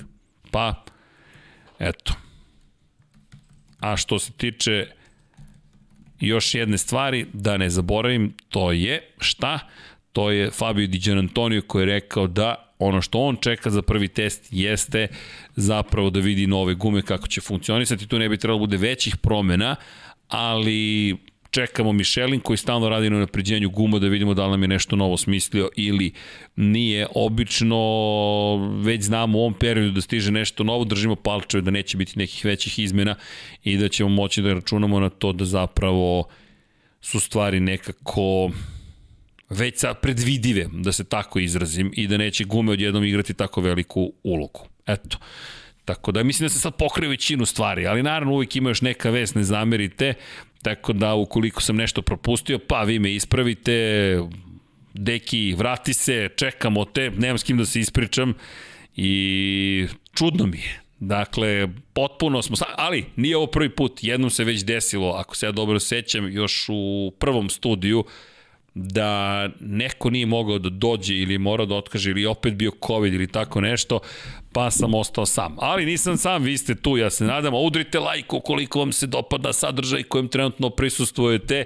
I naravno nema odustajanja, mogli smo imali smo dve opcije, ili da otkažemo Lab 76 za večeras ili da budem sam, pa eto, ja se nadam da smo izabrali pravilno i da je to način na koji treba stvari da funkcionišu, a kad sam već tu, da ne zaboravim da se zahvalim svima vama koji ste sa nama, no, danas ću krenuti od onih koji su na YouTube-u, hvala svima koji su kliknuli join i pridružili se ekipi i na ovaj način. Nisam propustio neke Supers nisam, dobro, to je bilo sinoć, ali da se zahvalim svima koji su članovi Nikola Jovanović, Aleksandar Kockar, Emir Dugić, Mladen Dukić, Miloš Z, LFC, Dragan Juzbašić, Nikola Smit, Nemanja Miloradović, Zvonimir Papić, Ivan Božanić, Marina, Vlada Ivanović, Oliver Nikolić, Marko Bogovac, Nemanja Krstović, Miloš Babin, Andrija Todorović, Jelena Jeremić, Resničanin, Kalabi Jau, Aleksandar Nikolić, Lukas Kok, Petar Bijelić, Milorad Reljić, Fatalac 1, Nemanja, Bojan Markov, Danilo Petrović, Najsus 2014, Almir Okić i Nenad Simić. Hvala ljudi, zaista 31 član družine. Uhu, kung fu e, zaista fenomenalno i naravno kada je reč o pokroviteljima, ko može, patreon.com kroz Infinity Lighthouse, sve znači, bukvalno i na emotivnom i naravno na finansijskom nivou, ali generalno imati vašu podršku je nešto predivno. Inače, pre nego što počnem da čitam, da ne zaboravim da se zahvalim svima koji su eventualno učestvovali u nekoj vrsti kampanje, to sam i juče uradio za Formulu 1, ali ne znam da li ste sinoć pratili, koji je tweetovao, retweetovao, pisao Niku Rosbergu da je predlog da se dođe u studiju na kraju univerzuma, hvala. Njegov tim je, nam je odgovorio i eto, uspostavili smo izvanični kontakt, zahvaljujući vama pre svega, hvala vam na tome. Blago rečeno smo i počastvovani, dosta se onako osjećamo ponizno u celoj priči s obzirom na činjenicu da nekako je ne, iako je verovatno ili predivno ili činjenica da mnogo ljudi na ovim prostorima voli Moto Grand Prix, voli Formulu 1, videti toliki broj ljudi da želi da čuje, vidi Nika Rosberga još u Lab 76, u studiju na kraju univerzuma, je nešto što vas ostavi bez reči. Ali sad neću biti bez reči, spremite se, čekajte, gutlja i vode, hidratacija je važna, Odaljio sam se, nadam se, dovoljno od mikrofona i da krenemo. Dakle, pokrovitelji na patreon.com kroz Infinity Lighthouse. Deki, sledeće nedelje ima da čitaš. Kao i Paja Živković što će da čita utorak. Sava, Toni Ruščić, Mario Vidović, Ivan Toškov, Stefan Dulić, Marko Bogovac, Ozren Prpić, Marko Mostarac, Nikola Grujičić, Aleksa Vučaj, Zoltan Mezej, Zoran Šalamun, Miloš Banduka, Laslo Boroš, Đorđe Radojević, Ivan Simeunović, Mihajlo Krgović, Nena Divić, Nikola Božinović, Monika Erceg, Omer Kovačević, Filip Banovački, Miroslav Vučinić, Predrag Simić, Žorž, Stefan Vidić, Mlađan Antić, Jelena Mak, Mladen Krstić, Marko Ćurčić, Milan Nešković, Ivan Maksimović, Bojan Mijatović, Petar Relić, Stefan Prijović, Nenad Simić, Luka Saović, Andrej Božo, Boris Gvozden, Boris Golubar, Zorana Vidić, Luka Manitašević, Ljubo Đurović, Borko Božunović, Đorđe Andrić, Aleksandar Gošić, Mirena Živković, Nemanja Miloradović, Miloš Vuletić, Vukašin Vučenović, Ognjan Marinković, Miroslav Cvetić, Marina Mihajlović, Veselin Vukićević, Jelena Jeremić, Antonio Novak, Stefan Milošić, Nikola Stanović, Senko Samrđić, Mihovil Stamičar, Stefan Nedeljković, Zoran Majdov, Josip Kovačić, Lazar Pević, Benjamin A, Nemanja Jeremić, da žena ne sazna, Boris Kujundžić, Tijena Vidanović, Stefan Ličin, Aleksandar Antonović, Dejan Vujović, Nemanja Zagorac, Đole Bronkos, Aleksa Jelić, Aca Vizla, Igor Vučković, Milan Ristić, Branko Bisački, Nenad Đorđević, Vukašin Jekić, Aleksandar M, Žarko Milić, Dejan Đokić, Bojan Markov, Ertan Prelić, Igor Gašparić, Alen Stojčić, Depressed Cody, Garbrand Fan, Branislav Dević, Strahinja Blagojević, Aleksandar Jurić, Vladimir Filipović, Branislav Marković, Vanja Radulović, Đorđe Đukić, Miloš Todorov, Ivan C, Emir Mesić, Stefan Stanković, Dušan Ristić, Vladimir Petković, Pavle Njemec, Jovan Đodan, Boris Erceg, Mirena Kovačević, Katarina i 19 tajnih pokrovitelja. Ajmo još jedan pokrovitelj pa da otvorimo novu stranicu, da imamo još jedan scroll. Napravit ćemo video, moramo da napravimo video. Vanja, ove godine moramo malo, rekli smo pesmice i sve ostale stvari, ali zaista, hvala vam, predivno je. Hvala svima za podršku na sve moguće načine, kroz kupovine knjiga, kroz kupovine majica, kačketa, kačketi su stigli, pa ko želi, ka... i ljudi kačketi je stvarno dobar, mnogo je dobar, ograničena serija u pitanju za sada, mada možda su nas shvatili ozbiljno da planiramo da proizvodimo kačkete, pa držite palčeve, nadamo se da će to biti zaista nešto što je redovna pojava, ne da čekamo šest meseci na sto kačketa. Tako da, držite palčeve. Elem, pa dobro, nisam loš, Vanja, sat i deset, to i nije tako loše s obzirom na činjenicu da sam sam, ali nisam, kao što rekao sam, ljudi, ako neko ima neko pitanje, sad je trenutak, idealan moment da se iskoristi, imate jednog čoveka koji će vam odgovoriti, ali cijela ekipa Lab 76 je uz vas zato što je prosto to tako zabavno. Nadam se da nisam propustio nešto. Pop out chat, da vidimo. Dakle, e, da, Muamer Dostović, ma je li ovo Srki sam sa sobom priča? Tako je, Muamere, sam sam u studiju, Deki nam je bolestan, Paja nije spreman za MotoGP, a juče se namuči, dva i po sata skoro je trajao podcast Formula 1. Držimo palče Deki da će nam se brzo oporaviti, Aleksandar, nažalost, nam je takođe van stroja neki drugi ljudi nisu mogli da, da, da stignu, a neki nije bilo pristojno zvati u 5 do 12 i reći, e, nemam koga da zovem, jel možeš ti? Ne, hvala, poštujemo naše prijatelji, kolegi, koleginici i tako dalje. I tako, tako da znate, eto. Ja sam kliknuo join, tako je Đorđe Mijatović, da neću da čitam šta ste kliknuli, ali, to, ali, ali je sve u redu. Um, da vidimo, uh, Depiranja kako stojite sa prevodom? Branislav Dević pita, jurimo prava. Branislav je toliko je stara knjiga da vijamo prava, vijamo ko drži prava, za sve te starije knjige, znate šta je ironija, što niko više ne zna kod koga su prava, jer to niko ne traži da otkupi. I onda to sad iskopati ko drži prava, koliko god banalno zvučalo, tako je, za neke knjige čak ne možemo da dobijemo odgovor jer su izgubili prava za fotografije. Pa onda čekamo fotografije, ali eto, držimo držimo se, tako da eto, nada, nadamo se da ćemo uspeti Pirana Club, mi bismo bili počastveni to da uspemo da, da uradimo. E, šta SK prenosi od Automotosporta, Laza Ilić pita? Pa ove godine Formula 1 100%, Moto Grand Prix 100%, NASCAR takođe, nisam siguran za DTM, nadam se, ali moram da vam priznam da ne znam, moram da proverim. Pored toga, sve juniorske kategorije koje su u najveće da kažem u okviru svetskog prvenstva, ali koji su pod okrenjem Dorne, poput šampionata sveta za juniore, kup talenata Evrope, evropsko prvenstvo u Moto2 kategoriji, sve to prenosimo, nadam se da će se Lukas Pasovski pridružiti jednom u studiju, čovek koji je toliko pratio motociklizam, ja držim palčeć i on početi da nam dolazi ne samo za svoj podcast, e to možete da ispratite, košarkaški podcast sa Lukom i Kuzmom, ili tako Vanja? Super je, inače Vanja nam je takođe gostovao. Zvao bih i Vanju, Dom Pavlo je rekao, zovi Vanju, ali Vanja nam nije još trenutno dovoljno u toku, pa možda sledeći put da se spremimo svi zajedno, za MotoGP, ne za košarku. Namrštio se, kako nisam u toku za košarku, ne, ne, ne, za NFL, 99 yardi. Ne znam još tačno kada je, petak, je tako? Vraćamo se starim, e, vraćamo se starom terminu petak od 21.00, ali bilo uzbudljivo. Elem, da se vratim, tako da to su stvari koje prenosimo, Sad, da li će biti još nečeg, nemamo pojma. Naš direktor i kad potpiše ugovor s nekim, on nas ne obavesti, nego kad treba da se prenosi, kaže prenosite to tad i tad. Tako da znate. Ko ima najveće šanse da osvoji titule ove sezone po, me, po meni? Hu, ko ima najveće šanse da osvoji titulu? to smo baš prošli put pričali da, da se izdvajaju tri čoveka, ali sad sa povratkom Marka Markeza mnogo se stvari menja.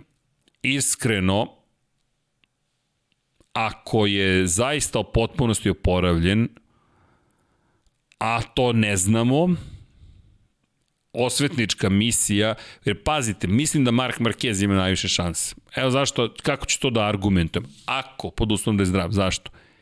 Valentino Rossi. Bukvalno Valentino Rossi. Mark Marquez ima 8 titula, Valentino Rossi ima 9 titula. Valentino Rossi kada se kada je izgubio titulu 2006. protiv Nike Hejdena, 2007. nije uspeo da se vrati na vrh. Morao da čeka 2008. Sad da ne ulazimo sve šta je uradio, prešao na Bridgestone itd. itd. itd. koliko radio na sebi da bi se vratio. Ali to je bio jedan od najtežih momenta u njegovoj karijeri.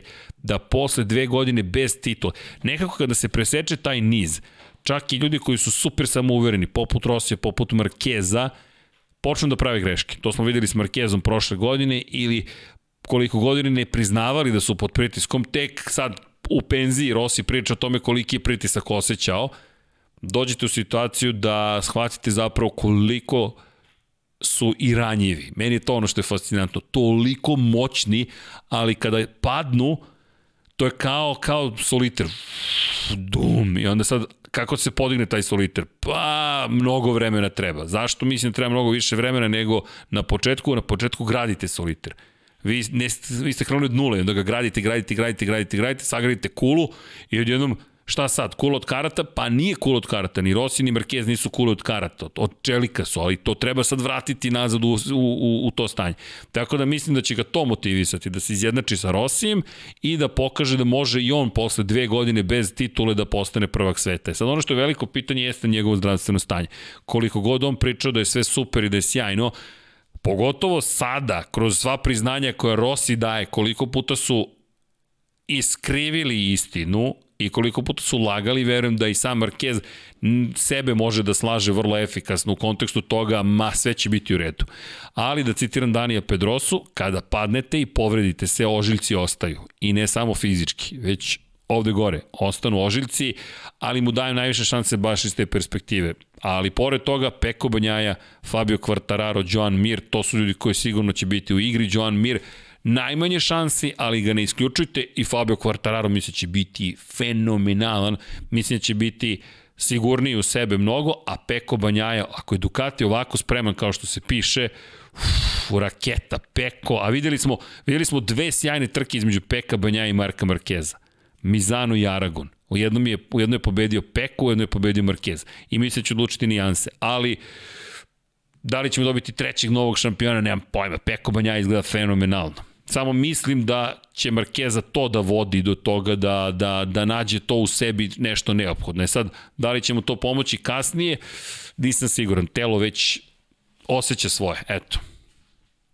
E, koliko različitih podcasta se radi u studiju na kraju univerzuma, piše, pite Boris Strutin, pozdrav Borise, pozdrav za penzionera, ali to je, koliko, studi, koliko se radi, ja ne znam, ovako, Lab 76, 99 yardi, Luka i Kuzma, blok po blok su takođe snimali ovde, Piramida radosti se radila dok se snimala Pak u glavu, zatim e, Spotlight, to je 7, Nina snima Connected by Frequency, to je 8, zatim SKNFL podcast takođe se radi ovde, pod kapicom broj 10, koji još snima ispod zemlje, kako? 19, kaže Vanja, različitih podcasta. Kako? Da, futbolski globus je bio E, zatim je bio Liverpool, je snimao LFC dok je još postojao i tako. Sko, eto, 19 kaže Vanja. Eto, nadam se da sam odgovorio. Eto. Uh, jao Srki. Banjaja kaže, eto, je verovatno, pa ja sam dao argument zašto mislim da, da, da, da će to biti da će to biti zapravo Marquez, ali to je samo moje mišljenje. Stefan Stanojev, Erceg, hajde malo da se predstavimo Malezije 2015. uh, dobro, uh, ne mogu sam, ne mogu sam. Uh, dakle, Aki Vujki, Srki, Boško Desničić i ja zahtemo Peko i Mark, Mark Marquez majice. Ok, slažem se s vama, malo smo stali sa nekim novim majicama, stigao nam je svemirski teleskop, ali bit će nekih novih dezena. Da li misliš da je za Banjavi Kvartarara ostao još jedan test u vidu potpuno zdravog Markeza i Honda koje funkcioniše i da bi se tada moglo smatrati pravim konkurentima i rivalima Markezu? Stefane, slažem se sa time, mislim da ljudi olako otpisuju Marka Markeza zahvaljujući činjenici da postoji ta polarizacija Markezovci, Rosijevci, i da otpisuju nekoga ko je veliki šampion. Ljudi, Mark Marquez ima osam titula šampiona sveta. To nije pitanje ljubavi ili, ili odsustva ljubavi prema nekome, to je pitanje razumevanja i poštovanja onoga što taj neko postigao. Mark Marquez je neverovatan vozač. Mislim da on pripada grupi u kojoj još nisu došli ni Fabio Quartararo, ni Peko Banjaja, ni Joan Mir. Jer Mark Marquez je čovek koji se borio sa Valentinom Rossijem, Jorgeom Lorencom, Danijem Pedrosom. Da, nedostaje Casey Stoner u svemu tome, ali ljudi u poslednjih 20 godina, u poslednjih 20 godina pet najboljih vozača koje smo videli na stazi su možda neki od najboljih vozača koje smo ikada videli na stazi. Valentino Rossi broj 1, broj 2 Mark Marquez, broj 3 Jorge, Jorge, Casey Stoner, pa Jorge Lorenzo, pa Dani Pedrosa. Casey i Jorge, više titula ima Jorge Lorenzo, ali Casey je poseban, da je ga je malo poslužilo zdravlje i da je malo duže ostao, ko zna kako bismo posmatrali i Markeza i Rosija, ali Rossi ga je pobedio, psihički, ali ga je pobedio, Markeza je, Markez ga je nasledio i Lorenzo koji neko je prokomentarisao kako Lorenzo samo imao dobar motocikl. Ne, Jorge Lorenzo čudo od vozača, ljudi, to je nevjerovatan vozač, bio. Dani Pedrosa nikad ne nije svoj titul, ali to je tih pet vozača. Marquez se pridružio vanzemaljcima, ovo su originalni vanzemaljci, dojete Markeza. Ta isti Marquez je jedini koji je ostao iz te grupe vozača. Jedini koji je još uvek na stazi. Ova cela nova generacija, da, ima taj jedan veliki test. Ima, bukvalno ima veliki test. Nije ga bilo dve godine na stazi, I ja želim da se oni nađu na stazi zajedno, potpuno zdravi. Pa ko pobedi, najbolji je, nema tu šta, nemamo čemu dalje da diskutujemo. Sad da li će to biti Kvartararo ili Banjaja, kojim dajem veće šanse u tom sukobu sa Markezom nego Miru, ne znam, vidjet ćemo. Ko zna, možda nas Mir iznenadi, možda Mir kaže, ej ljudi, ipak dolazi mojih 5 minuta. E, dakle, šta još imamo? Subota, Koji termin planirate za 99 yardi? Oliver Nikolić pita. Uh, 21.00 petak, koliko sam ja shvatio, tako? To je definitivno. Da, zato što dosta i vas je tražilo da ostane 21.00 u petak i prosto slušamo vas, poštujemo vas, ovde jesmo zato što je nam ovo zabavno da radimo, ali pre svega smo zajedno u svemu ovome. Miro Taur 11, da li u Moto2 ima nekih promjena na motociklima, pozdrav najbolji ste. Ukoliko mislite tehnički, motori ostaju isti, Triumfovi od 765 kubika, a što se tiče šasija ne znamo, čekamo da vidimo, pravilnik nije promenjen, ali čekamo da vidimo da li će biti nekih iznenađenja kao što je Boskoskuro, na primjer, u to vreme se zvao Speed Up, uveo zadnju viljušku od ugljeničnih vlakana, pa je Kalex počeo da gubi neke od bitaka pre dve godine, 2019. se to događa, 2020. oprostite, i Kalex je odgovorio vrlo upečatljivo na to, tako da ne znam čekamo testiranja pa ćemo da vidimo da li će se tako nešto desiti.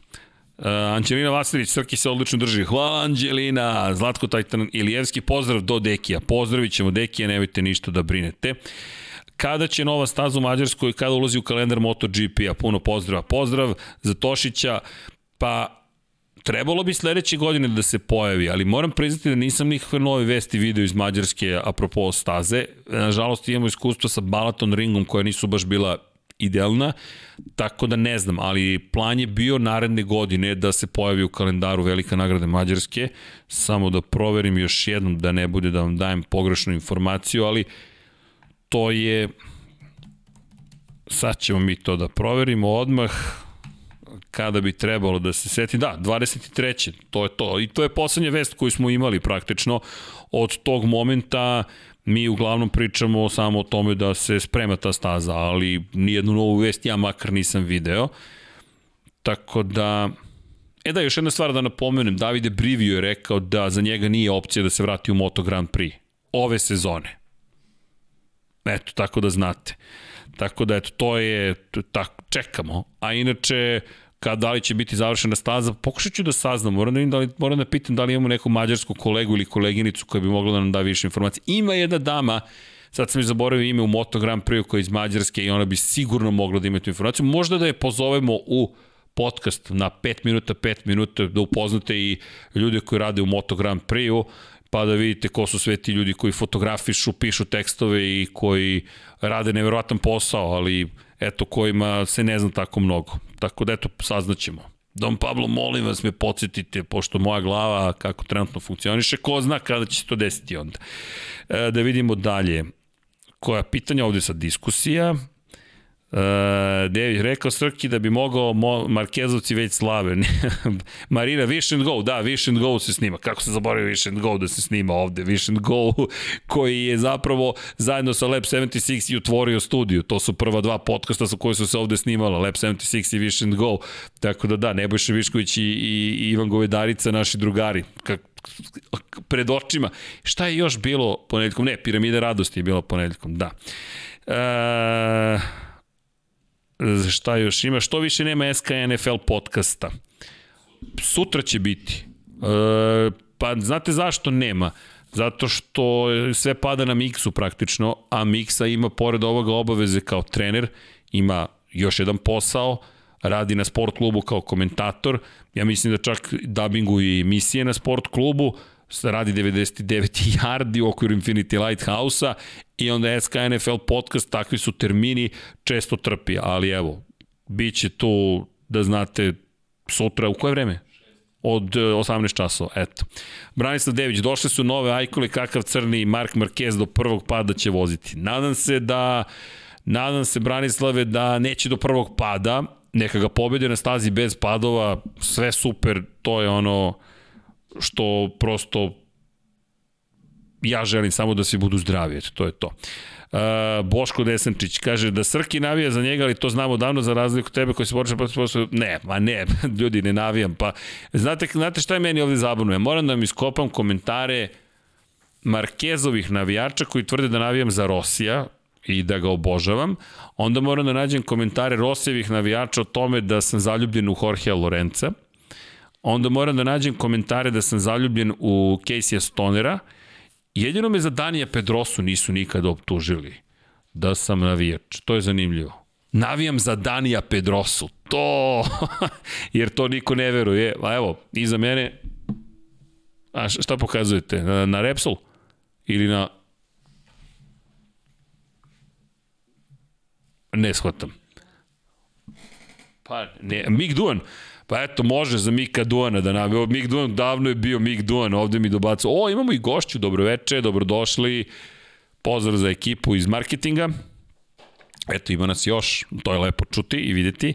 Da, nisam, nisam navijač, nemojte ništa da brinete. E, toliko ljudi me tuže da navijam za različite ljudi, budite sigurni da nisam navijač. Mada, mogo bi Viktor Savić da nam ponovo dođe u studio To bi bilo zabavno da ga pitamo sada u penziji šta se, šta se zbiva. Da, Marina, a, tek sam se uključio Stefan Stanović, da li ste pričali nešto ostaju Rosijeve knjige? Uskoro, kada dođe, kada dođe fotografija iz štamparije, znajte da je sve završeno. I onda vam šaljemo tačnu informaciju kada će biti u vašim rukama. Tako da znate, ne zamerite, prosto, kažem, izvinjam se još jednom, mi smo uradili, kao što vidite, i sa Dekijom knjigom i sa knjigom Karija Hotakainena sve što je bilo u našoj moći, ne volim da kažem neko drugi kriv, ne, odgovornost je moja, loše sam predvideo situaciju i desilo se da nešto što je bilo van naše moći je usporilo ceo proces, tako onda smo upali naravno u novogodišnje praznike, u zapadnoj Evropi su počeli 20. nekog decembra, zato smo jurili da knjiga bude završena do 15. ispostavilo se nažalost da usled bukvalno više sile to nije izvodljivo, onda kada je prošao praznik u zapadnoj Evropi, u našem delu sveta je počeo praznik i tek smo sada počeli ponovo da dobijamo nazad ono što bi trebalo da bi se sve završilo, tako da ne zamerite. E, Boško Desi ne bi čudio da knjiga izađe za njegov rođendan. Nadam se da će izaći ranije, ali ukoliko bude za rođendan, pa eto rođendanskog poklona za, za Valentina Rosija. E, zašto se penzioner, pe, penzionisao onako rano? Pa Casey Stoner, to, e, to je jedan od najdražih intervjua koje mislim da, da, da, da sam ikada radio. To smo Zvezdice ja zajedno radili. Zvezdice je u to vreme bila na B92, ali mi smo seli zajedno, dogovorili se, redakcije su nam odobrile da uradimo zajednički intervju i rekao je da nije zainteresovan da bude u sportu u kojem se želi povreda učesnika da bi to bila zabava, da bi to bio spektakl. I rekao je da smatra da prosto nisu krpene lutke koje su gladijatori i da to što postoji prirodna opasnost u sportu ne podrazumeva da treba preželjkivati nečiju tragediju, povredu, smrt. Nažalost, Marko Simončeli izgubio život sezonu pre, On je na velikoj, konkretno Casey Stoner je na velikoj nagradi Francuski 2012. saopštio da se povlači, u Malezi 2011. je Simoncelli izgubio život i Stoner je rekao, bio je baš, baš se otvorio tokom tog intervjua, je rekao da ne nalazi zabavu i sreću u Moto Grand Prix kako je u tom momentu organizovan i da smatra da je prosto pretvoren u sport koji želi povrede. Tako da je to bio jedan od razloga. Drugo, na sve je ozbiljno uticala smrt Marka Simončelija, ozbiljno ih je sve uzdrmala. Rossi u tom periodu nije imao snage čak nekoliko meseci da ode da poseti Paolo Simončelija i čak u jednom momentu Paolo Simoncelli zamerio Rossi s obzirom na činjenicu da su bili vrlo bliski prijatelji Marko i Valentino je nije mogao da prihvati činjenicu da, da Rossi ne dolazi u posete. Carlo Pernat je inače spavao u kući Marka Simoncellija sa Paulom Simoncellijem provodio vreme, ne bili mu nekako pomogao da, da prevaziđe tu, tu tragediju i Carlo Pernat je pokušao da objasni pomisli kako se Rossi osjeća u ovom trenutku. Rossi inače zajedno sa Colinom Edwardsom učestvovao u tom incidentu. Oni su bili ti koji su udarili Marka Simoncellija. Tako da je to jedan crn period zapravo za Moto Grand Prix. Casey Stoner je početkom sezone rekao gotovo je. Inače, Rossi je u to vreme razmišljao o tome da se penzioniše. Nisam siguran da li je Stonerova odluka uticala nekako na, na, na Rossi ili ne, ali ono što znamo da je pozitivno uticalo na to da ostane još skoro pa ostane 10 godina praktično šampionatu, jeste formiranje Akademije VR46. Casey Stoner je drugačiji karakter, često pocenjivan, dosta je i ponižavan bio, a to je samo jedan introvertan čovek. Ako ste upoznali nekada introvertnu osobu, znate da tim ljudima ne prija velika grupa ljudi u njihovom okruženju. Oni nisu loši ljudi, njima jednostavno teško pada kada je veliki broj ljudi oko njih. Njih to čini anksioznim, uznemirava ih. Pričali smo anksioznuti, vodite računa ljudi koliko god se svi šalili s tim stvarima, to nisu šaljive stvari, pokušajmo da razumemo, da budemo malo saosećajni prema drugima. Stoner je uvek voleo da ipak ima prostor oko sebe. Sada mnogo bolje to podnosi, ali čujte, 10 godina je stariji, mnogo toga je doživeo i ima ozbiljne probleme i sa zdravljem, tako da eto, to su neki od razloga zbog kojih je povukao taj potez i otišao, nažalost, mnogo rano u penziju, mogu još 10 godina, mogu dan, dan danas da vozi, ali prosto drugačiji karakter i to je okej. Okay. E, da vidim šta još ima. E, Žuk Đorđe, MM, ne pričaj Srki Majkiti, šta sam sad rekao. Prvo treba biti čovjek da bi se Rossi nasledio. Pa ne pričamo, sad kom nasledđu pričamo. Ako osvoji devetu titulu, to je njegov uspeh da dođe do toga da se izjednačio sa, sa moje nije da merim njihovu ljudskost ili neljudskost, dakle ne mislim da niko od njih, bilo kod njih neki zlikovac, to da li su sportski postupali u jednom ili drugom momentu, to su druge stvari, ali niko tu nije savršen, nema idola. Sam Valentino Rossi je rekao za Lagunu Seku 2008. plan mi je bio sledeći, ili ću ja pobediti, ili Casey Stoner neće stići do cilja. Nije baš da je to viteški, ali pošto je to Rossi koji je mega harizmatičan, onda je sve to nekako šaljivo, hi, hi, hi, ha, ha, ha, to ljudi ozbiljna izjava, pri čemu to samo Rossi, ja mislim, može da izjavi da svi kažu, pa da, logično, to je nekako ide uz Valentina Rosija, tako da što se tiče njega i Markeza, njihov odnos, ali kada pričamo o rezultatima, Mark Marquez ukoliko osvoji devetu titulu, ljudi, desetom titulom će prevazići broj titula koje je osvojio Valentino Rossi. Da li će to smetati onima koji vole Valentino Rossi ne vole Marka Markeza? Da. Da li će to obradovati oni koji vole Marka Markeza? Da. Ali to je na njima da rešavaju pitanja odnosa jedni između drugih. Što se tiče samih rezultata, ukoliko to postigne, ljudi, to je nezapančen rezultat da imate 10 titula ukupno i da imate između ostalo 8 titula u Moto Grand Prix kažem, to je motivacija gotovo sigurno, pošto odnos između njih dvojice je dosta poznat, animozitet blago rečeno. Inače, možemo da se vratimo i pre Malezije 2015. ali to ću vam ostaviti da čitate u knjizi, pa pročitajte da čujete sami šta, je sve, šta su sve to rekli. Uh, da, inače Anđelina lepo kaže, imaju probleme i sa hroničnim umorom Casey Stoner. Da, da, Anđelina, u pravu ste, hronični umor je jedno ozbiljno stanje, kliničko stanje, gde je čovjek imao periode kada, rekao je čak da njegova porodica trpi, jer ne može da se pomeri iz kreveta i to je nešto s čim se suočio, tragedija za bilo koga kamoli za tako hiperaktivnu osobu kakva je Moto Grand Prix. vozač. I hoće li biti pregleda sezone? Hoće Lazo, samo da nam se Deki vrati u akciju. Trebalo da imamo pregled sezone, ali nam se razbolao Deki.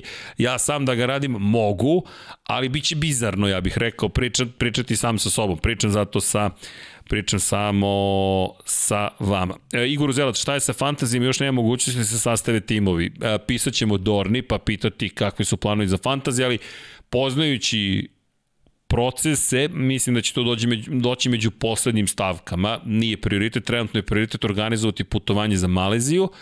COVID protokol je veoma ozbiljan, menja se iz dana u dan ponovo, i vidjet ćemo naravno ko će se sve pojaviti i da li će se svi pojaviti u Maleziji. Ne zaboravite da mi u Sepangu dosta dugo nismo bili i da je ovo veliki test zapravo za organizaciju šampionata sveta ove godine i da li ćemo zapravo ići u Aziju ove godine, pošto držimo palče.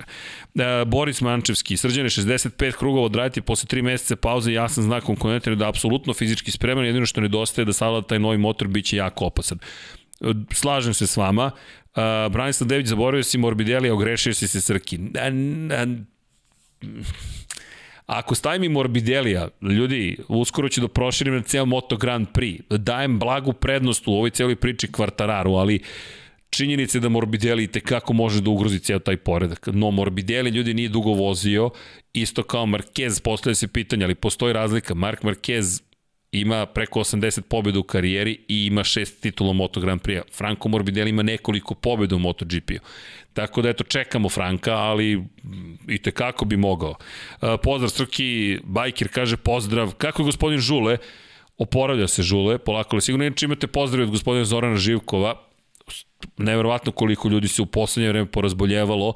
Gospodin Živko je dosta teško prošao, bio u bolnici, ali mi mu želimo brzo porak. Sad polako skuplja snagu i čekamo ga u studiju na kraju univerzuma. Žule nije imao toliko problema, tako da ja se nadam da ću ga uskoro videti. Paja je umoran dosta, ali tu smo. Ma nema to veze s našim ličnim kartama uopšte. to je samo zato što smo se malo bili porazboljevali. I tako. Um, da vidimo šta još ima. Gde kupiti karte za Katar, Aca Vizla? E, to je odlično pitanje. Samo sekund. MotoGP.com je obično najbolja stanica, ali moram nešto da vam kažem za Katar. Katar je dosta zatvoren bio i nisam siguran kako će funkcionisati ulazak uopšte u Katar, tako da moram da vam kažem da tu nije samo pitanje ulaznice, već i toga da li može da se uđe pogotovo za ovu Omikron varijantu, ne znam koja pravila će stupiti na snagu. Inače, u, na, na, na glavnom sajtu na MotoGP-u možete se prijaviti za karte, to vam je moja topla preporuka, s obzirom na činjenicu da još nisu pustili karte. Ali, ja zaista verujem da to povezano sa pandemijom, da to nema veze toliko sa organizacijom same trke. Tako da topla preporuka, prijavite se pa odatle krenete. Ne bih smeo da vam preporučim ulaznice na drugim mestima, jer nisam, ne, ne, ne sarađujem sa tim ljudima i za Dorne mogu da stanem u kontekstu toga što su to zaista organizatori svetskog prvenstva i drugo, tamo imamo još i neke veze s ljudi s kojima možemo da pričamo o tome da dobijemo pouzdane informacije, sa ostalima nemamo taj odnos, tako da eto, to je moja topla preporuka. Edo, Ede, he, he, Srki se naljutio. Ma nisam se naljutio, ka, se, ja, mogu se naljutim na sebe eventualno, ali nisam ljuti, čak i kad me optože da sam navijač ljudi, ja to smatram sastavnim delom mog posla. Pa, naravno da je to, zar to nije zabavno i ko zna šta mi se sve kaže tokom prenosa. sve, ne, ljudi, to je deo, pa to je deo sporta, pa šta da se ne lažem? Ne, nego niko ne spomene komentatora tokom prenosa, pogotovo kad padne Peko Banjaju u sred Mizana. Dobio sam 6 miliona poruka kako sam ja oborio Peka Banjaju. Sve su bile isfiltrane, politički korektne, ali sam prilično siguran da nije bilo politički korektnih izjava u televizoru u momentu kada je pao. Šta da radite, to vam je deo posla kada ste komentator. Gromobran za emocije i sve je u redu, ljudi. To je sasvim. Okay. Ognjen Radivović, Srki, da li misliš da, da li će se Brno ikada vratiti ili ne? Hmm, pa mislim da neće skorije, do vreme, da, da narednih pa, 7-8 godina gotovo sigurno, možda čak i 10. E, jednom kada ispanete iz igre, teško je vratiti se igru. Mada, ukoliko Mađarska opet posrne i ne završi posao sa stazom, možda je to prilika za Brno da nekako uskoči. Bojim se da ha, političari ko političari, pogotovo i savremeni, razmišljanja su im na nivou dva i po sata budućnosti. Neverovatno je da su dozvolili da njihova svađa izbaci Brno sa kalendara Moto Grand Prix. Jednom kad uđete u taj kalendar, nema izlaska. Ne, ne možete da priuštite sebi da izađete, jer kad izađete, ko zna kada ćete se vratiti, žao mi je, Brno je jedan lep, prelep grad, studentski grad inače, Inače, ajde da ne imenujem čoveka, ali zanimljiva priča čovek koji je rekao da je zbog Moto Grand Prix između ostalog izabrao da studira u Brnu, jer je pratio Brno kroz trke. I eto sad koliko je to marketing zapravo za Brno.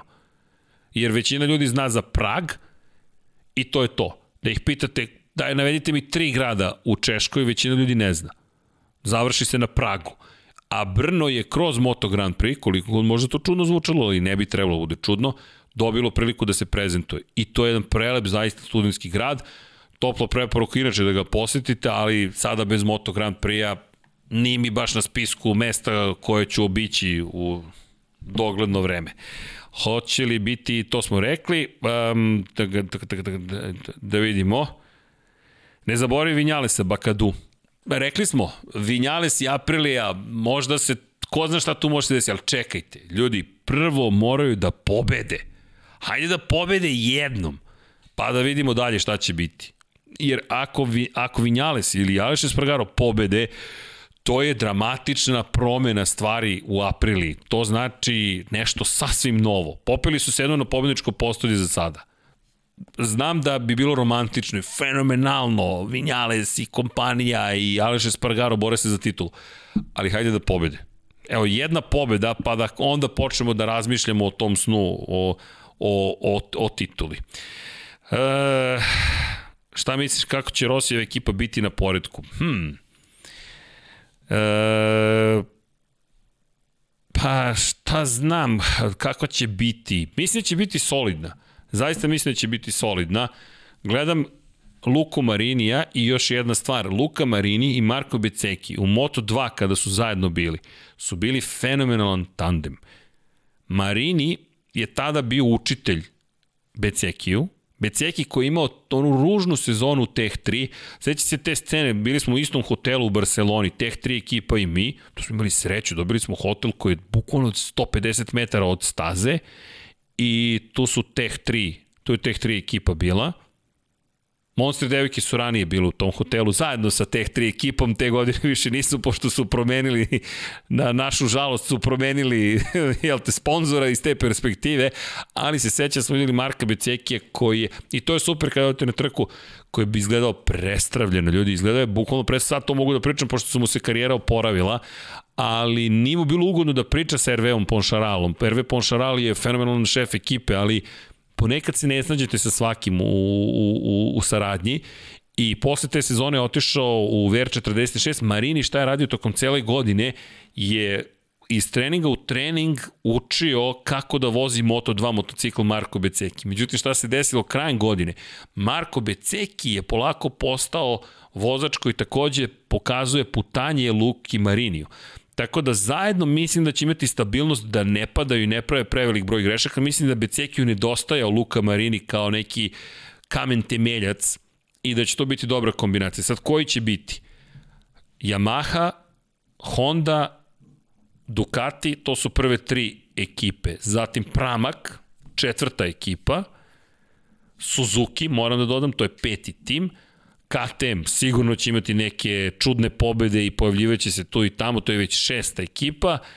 Dakle, neki osmi, deveti, ukoliko mogu da budu. Pre čemu imate još RNF Yamahu, pa imate Lučić i Kinelo Racing. Ljudi, oni ako budu deveti da otvore ne šampanjac, nego da svi zajedno slave, a nije nemoguće. Nije nemoguće. Još Teh 3 KTM sa Raulom Fernandezom, nadam se da će se oporaviti Remy Gardner dovoljno kakav šampionat nas čeka, ovako razmislim malo bolje, bit će dosta dramatično. Onda Aprilio, Aprilio koji sam oblicu, nisam Gresini ni spomenuo, ljudi ne znam. Eto, ako budu top 10 proslava, bukvalno neka slave, Johan Štigifeld će tu da bude takođe zanimljiv.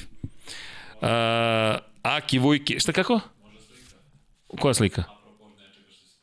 Može, Vanja je spremio neku fotografiju, ljudi, nemam pojma šta je. A, okej, okay, Vanja, hvala ti.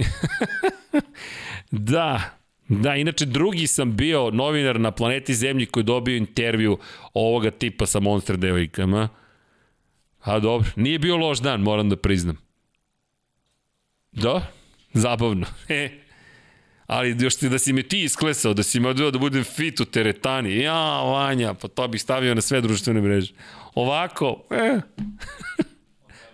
Od februara, krećemo od, da, to je novogodišnji New Year's Resolutions, krećemo od februara teretanu s vanjem, važi.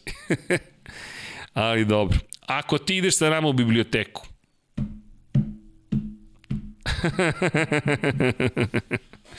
I tako. E, e, Marina, da, tvrde MM navijači da Srki navija za Rosiju. To je sve, to je sve okej. Okay. Na Aki Vujke Srki ne bude takav, svi znamo da, da potrebno naviješ za Marka Markeza. Igor Uzelac Srki samo navija za Troje Bejlisa. E, za njega da. Za njega da. Troje Bejlisa obožavam. Bukvalno, obožavam. inače Troy Bailey se pojavljuje u ovoj priči uh, kada je izgubio titulu Valentina Rossi 2006. Njegov tim je spremio proslavu Vitezovi kralja Artura, Vitezovi okruglog stola. I Rossi je trebalo da bude osmi vitez, pošto je to trebalo da bude osma titula, i bukvalno su napravili kompletnu scenografiju za koju je trebalo da sklope tokom trke iza kulisa, očekujući da će Rossi da osvoji titulu na kraju sezone u Valenciji protiv Nikija Hejdena. I vežbali su zapravo sklapanje celog stola. Imali su glumca koji je glumio kralja Artura, imali su glumca koji je glumio Merlina. Troy Bayliss je inače bio u domaćinstvu, to je ne u domaćinstvu, u kamionu koji se nalazi pored kamiona Valentina Rosija, gde su njegovi zapravo predstavnici sklapali kompletnu scenografiju i Troy Bayliss je bio šokiran, zvao je Dornu da pita ljudi, ovde su neki ludaci obučeni u kralja Artura i Merlina i ne znam šta se događa, pa su mu objasnili da je to zapravo scenografija pobednička. Inače, ko je pobedio na toj trci? Troy Bayliss. Troy Bayliss, legenda, trostruki šampion sveta u Superbajku. Ali da, Srki, ne zaboravite da radite pregled sezone. Nikola, ne brinite, nećemo nećemo ništa. Srki, znam da je MotoGP podcast, kakve su ti ocene Wonder Woman 1984? Loše, baš loše. Mislim da su osim što su kostimi bili zabavni, ali to je sada trend, vratimo se u 80. i to je jedino što je bilo pozitivno s tim filmom. Niti logik, ne logika, ajde, ne tražim previše možda logike u nekim stvarima, ali baš je loš film, da ne kvarim ostalima i tako dalje. Dejan Barbarez, predikcije za Moto3 i da li Denis Onđu može do titula ako razbistri malo glavu? U, Dejan može sigurno do titula ako razbistri glavu. Prosto to je jedan spektakularan vozač, samo što ono što nedostaje, to nismo videli od kupa talenata Azije, jeste ta konstantnost. Tu, tu čekamo da vidimo da li, da li zaista može da bude dovoljno konstantan, ali iskreno, ja bih gledao ka raketi. Ja bih zaista gledao ka Denisu Fođi, ne volim da pričam o tome ko je... Prošle godine nisam imao izrazitog favorita. Ove godine Denis Fođa. Dva razloga. Denis Fođa, Miodrag Kotor. Tačka. Ako niste, poslušajte prelep podcast sa Miodragom Kotorom koji nas je koji, koji počastvovao svojim prisustvom preko Zuma i gospodin Kotor ispričao toliko nevjerojatnih stvari. Mi ga čekamo da kada bude prilika i kada bude bio u Beogradu da, da nam dođe u studiju da priča o svojoj karijeri. Od od Kulina Bana praktično, pogotovo taj period kada je bio direktor logistike Ferrari u Formuli 1, Inače, za one koji ne znaju, Miodrag Kotor vodi ekipu Leopard Racinga u Moto3 klasi, jedan nevjerojatan gospodin pre svega, nevjerojatan profesionalac.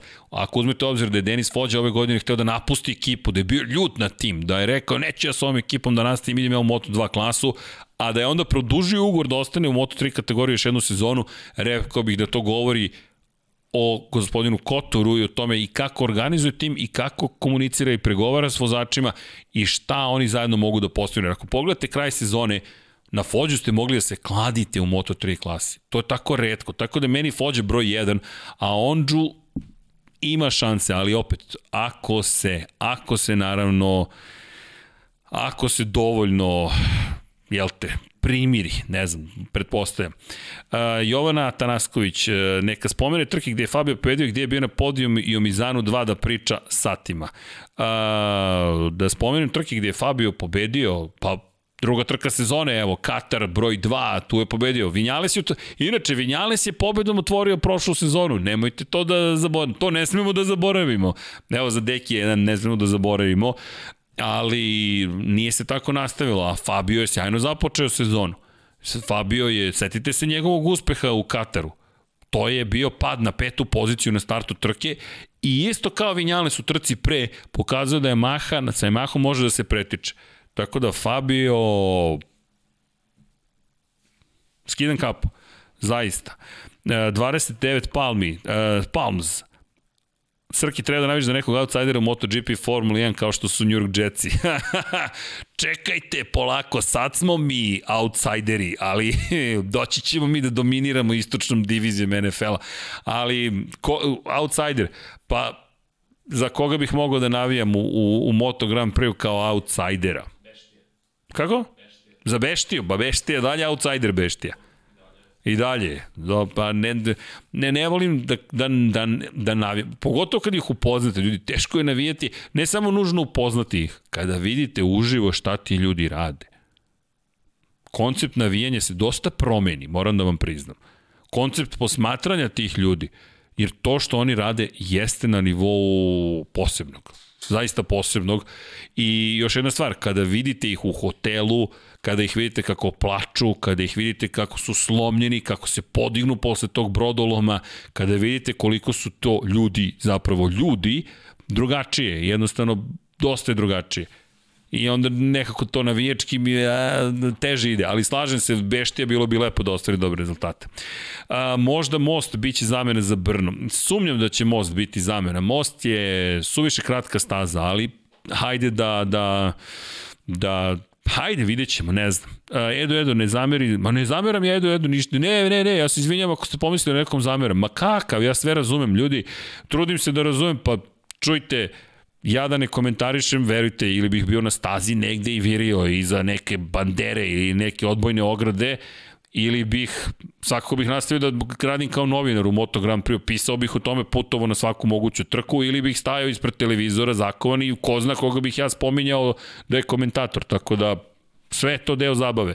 I to ne, uopšte se ne ljutim, pogotovo ne na vas. E, dobro, kad će da dođe specijalo Fabiju?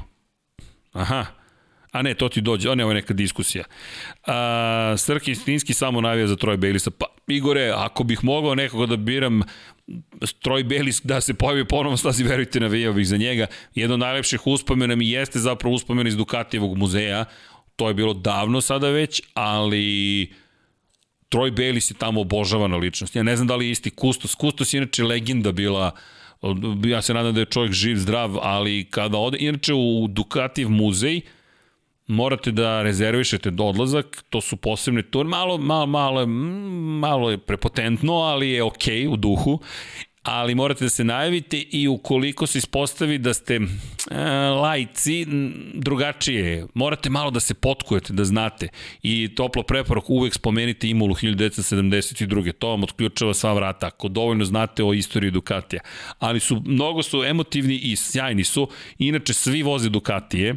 Dakle, bukvalno svako ko radi u Ducatiju vozi Ducati, od bukvalno devojke koja radi u prodavnici suvenira, na Panigaleu je bila, ta, tad se Panigale tek bio pojavio i kaže, ali naravno dvokratno radno vreme, imate, imate pauzu za ručak i devojka kaže, sorry, ali vidimo se za dva sata, mi važi, vratit ćemo se za dva sata, pap na Panigale i nestade žena. Tako da, baš vole Ducati, to je lepo videti. E, koje su šanse za ulazak u padok na Red Bull ringu Marko Milovanić? Ovako, dva, dve stvari.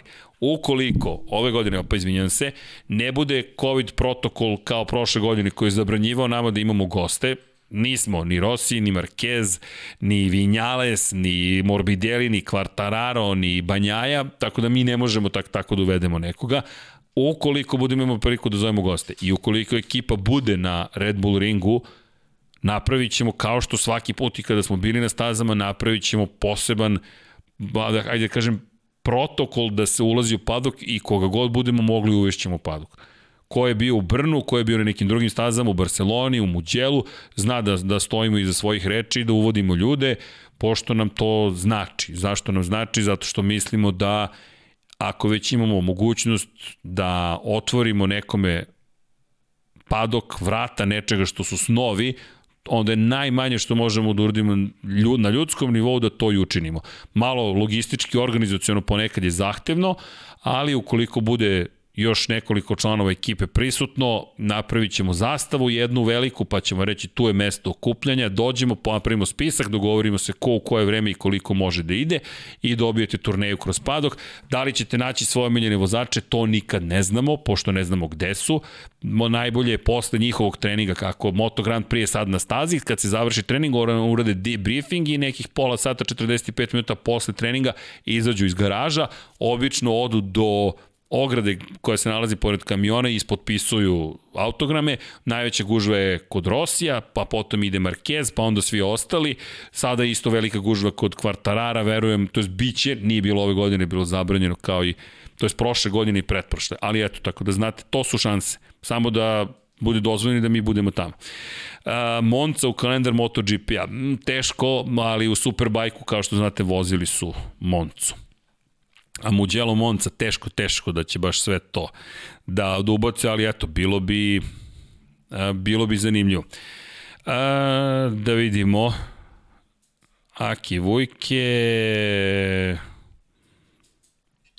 Dobro, ovo su sad diskuzije. A, da vidimo.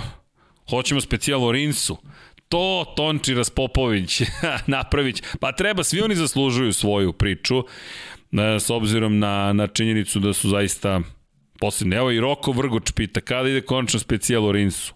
Nemam pojma, ali ukoliko vi želite, sredit ćemo. Uh, Da, inače, kad sam bio u muzeju, nije bio kustos Miroslav Cvetić 2019, dobili smo posluški audio turu, postoji fora ako se najavite par dana pre, organizujete turu i kroz fabriku, nažalost, propustio sam to, to, to, najavite se na vreme i zaista imate sjajnu turneju, ali žao mi je što kako kustos više nije tu, verujte, to je čovek koji tako mnogo lepih priča je pričao. To je pravi kustos muzeja za mene. Ja razumem da je u industrializaciji svega teško da jedan kustos bude sa svakom grupom i da ispriča sve priče. Ali verujte, taj jedan ljudski moment koji smo 2012. doživeli je bio predivan. I ne samo to, u TripAdvisoru je bilo čak, ja mislim da je kustos jedan od glavnih zapravo ljudi u, i, i duša tog praktično muzeja. Ali dalje to lep. Može specijalo Rinsu. Ok, nisam znao da je Rinsu ovoliko popularan, ali dobro. Lazilić, kakve su šanse da se Markezova knjiga objavi u Infinitiju? Na koju konkretnu knjigu mislite? Ako mislite na knjigu izdatu 2014. godine, to je, ja mislim, jedina koju je izdao Mark Marquez. Samo da vidim. Ako se to, to je, snovi se ostvaruju. Ako na, jel, samo mi odgovorite da li na to mislite. To je knjiga koja je izdata 2014. Moram priznati da ja koliko znam nisu, nije izdao ni jednu knjigu posle toga. Ali eto, ako može mala pomoć samo da, da, da nam potvrdite da li je to knjiga o kojoj razmišljate da, da specijalo Berio Šinu obećao se Srki, jesam, obećao sam, e, to, će, to ćemo s Dekijem, s obzirom na činjenicu da je to njegov bukvalno najomiljeniji vozač svih vremena.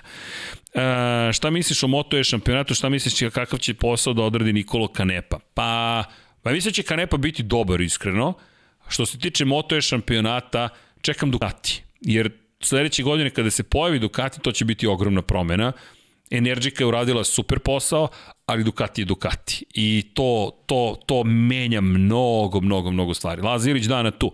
Lazo, evo, pišemo i pričamo sledeće nedelje kakve su informacije. Ja se nadam da je to vama okej. Okay tako da znate.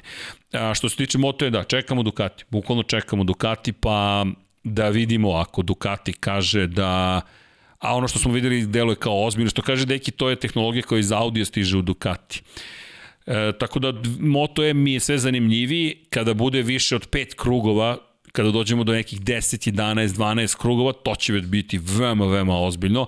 Dosta su teški ti motocikli, baterije su problematične težine i naravno ono što je tu zanimljivo jesu gume i što kaže Ognjen, naš prijatelj, slajderi, ni slajderi, slajderi na kolenima, kad ih čujete kako prolaze kroz krivine, to ne možete da čujete na Moto Grand Prix, što je takođe ok, sus, motor, pff, treba da puca, ali kad prođu kroz krivine, čujete č, č, č, kako se to cepa, kida, lomi i tako dalje, i kada čujete škripu guma, to ono što je fascinantno kod moto kategorije. Čak i Mark Marquez koji je rekao da nikad neće da vozi voli da čuje taj zvuk, jer zvuk otkriva jednu dimenziju, to čak i u Formuli 1, do hibridnih motora, nikad niste mogli da čujete škripu guma, kakva crna škripa guma pored V8, V10, V12 motora, nije bilo šanse da čujete, sada vi možete da čujete kada se blokira točak čak i škripu guma.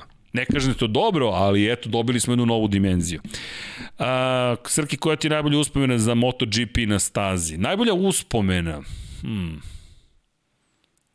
najbolja uspomena, pa upečatljive, nekoliko je baš upečatljivih uspomena, jedna je krajnje lična, prijateljica moja koja je prvi put išla da vidi Moto Grand Prix trku, mi smo je vozili i kada smo prilazili stazi u Brnu, da je ne imenujem, nije mi dala dozvolu, je pošto u Brnu zvuk je specifično odjekuje kroz šumu, u Muđelu je drugačiji zvuk, Mu, u Brnu je nekako čudno taj prilaz pucao ovaj zvuk.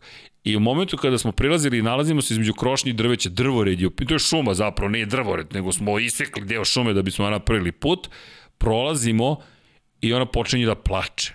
I meni je došlo da plačem zato što ona plače, jer prvi put čuje Moto Grand Prix motocikl uživo I sećam se njene emocije koja u trenutku želi samo da izađe iz kola.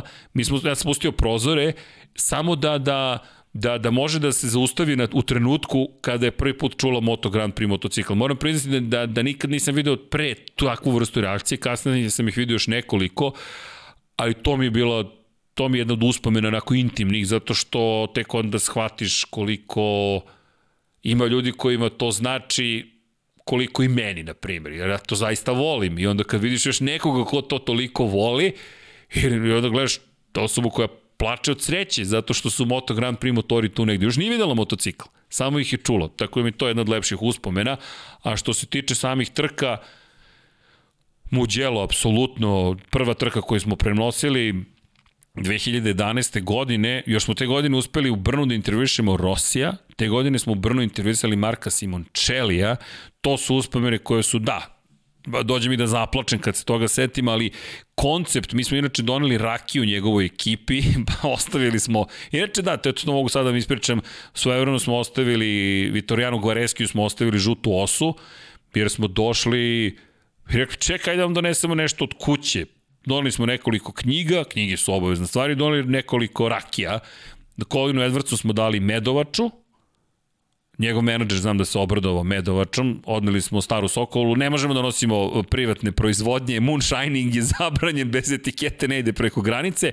Staru Sokolu smo doneli Edwardsovoj ekipi, Rosiju smo dali Šta smo dali Rosiju? Dali, ili smo njemu dali žutu osu, a Viljemovku smo dali ekipi Gresinija. Da, Viljemovka je bila tako, Viljemovka smo dali Gresiniju i to ne se ko nam je doneo. Jao, ko nam je doneo to, ne mogu sad da se setim ali smo, neko nas je zvao, mi došli prosto da radimo posao i shvatimo, a čekaj, što ne bismo počastili ove ljude nekim specijalitetima. Da smo rekli, kupi neke knjige iz Srbije prevedene na srpski i ako ima na španski i nekoliko rakija i eto, to nam je nekako bila ideja, bilo nam zabavno njima da podelimo. Ja Edwardsa mnogo volim, Edwards vam je jedan od prvih ljudi koji sam intervjuo, ne, on je prvi čovjek kojeg sam intervjuo, pa Jamesa Tolzona i znam da me ponudio pivom, pa sam se šokirao kako Moto Grand Prix vozač pije pivo dan pre trke, ali okej, okay. i onda shvatiš da čovjek voli puško mitraljeze, snažna pića i kažeš Edwards mora da dobije Medovaču. Znam da nas je njegov menadžer zvao da pita ima li ovoga još. Rekli smo sledeći put, nema više. ne znam šta su uradili s tom Medovačom, ali znam da u ponedeljak već zvonio telefon. Eto. Srki, da li ćemo ikad vidjeti taj intervju sa Rosim? Žarko, nemam pojma. Evo, ja, ja se nadam da ću ga vidjeti. Za taj intervju, ja verujte, šest meseci sam pisao Dukatijevom medijskom osoblju i gnjavio ih i maltretirao, ne bili dobio intervju i dobili smo ga, imali snimak, ali eto, nadam se. Uh, Miroslav Cvetić Srki, imaš par slika iz muzeja. Da, imam sa Trojem, Troj Belis Superman i parking fabrici pun Ducati, jeste. Uh, ili vozi neko od vas motore i zašto ne? Aronija Stivčić, polako, iznenadit ćete se. Ovde ima zabranu vožnje, zapravo, vode računa, misle da, da se neće dobro završiti za mene, ali ali okej. Okay. Um, tako da eto, to, e da, ima još jedna stvar, a to je uspomene Valencija 2015. To je nezaboravna stvar, to je kulturološki fenomen, ljudi, ja nikad takvu atmosferu nisam video, ne na tribinama samo, nikad u životu nisam video a verujte, bio sam na mnogo sportskih događaja. Moj otac je sportski novinar, kao klinac sam išao po, po, po sportskim borilištima.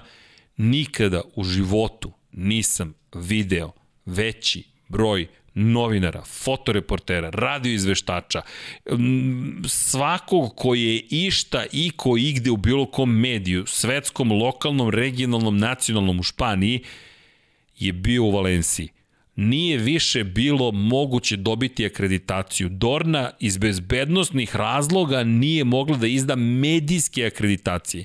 Nikada u životu, verujte, ja nisam vidio toliku grupu profesionalaca medijskih na jednom mestu. Na stranu gledaoci, ludilo, ali ta gužva u padoku, ti zahtevi, znam da sam se posvađao sa Dornom u želji da izlobiram još jednu propusnicu za jednu ekipu ljudi sa ovih prostora, nisam uspeo i bukvalno sam se posvađao sa ljudima s kojima imam divnu saradnju, baš sam bio besan, se rekao, to je samo još jedna. I na kraju dolaze ljudi, kad smo bili u Valenciji, kao, ali srđane, jedna plus jedna dođe do 101. Negde smo morali da podvučemo crtu, da znam da je to bio jedini put da smo imali baš onako konflikt, ali to mi uspomena i svakako ovaj Rosiv oproštaj zato što je to videti njegove šampionske motocikle na jednom mestu. Ja sam pao u nesvest kada smo videli Nastro Zuro Hondu, sve je super, Aprili je fantastično, Yamaha je fantastično. Nastro Azuro 500 Honda, poslednja ikad napravljen, to je poslednji šampionski dvotakni motor 500 kubika, boing, samo padnete u nesvest. Tako da to su uspomene, ali eto. Uh, Dejan Barbares, da li mislim da mogu Baxi da kiksaju protiv Remsa? Ne. Ne. Vanja kaže da, šta, pobeđuju ko? A nije kiks, kaže Vanja.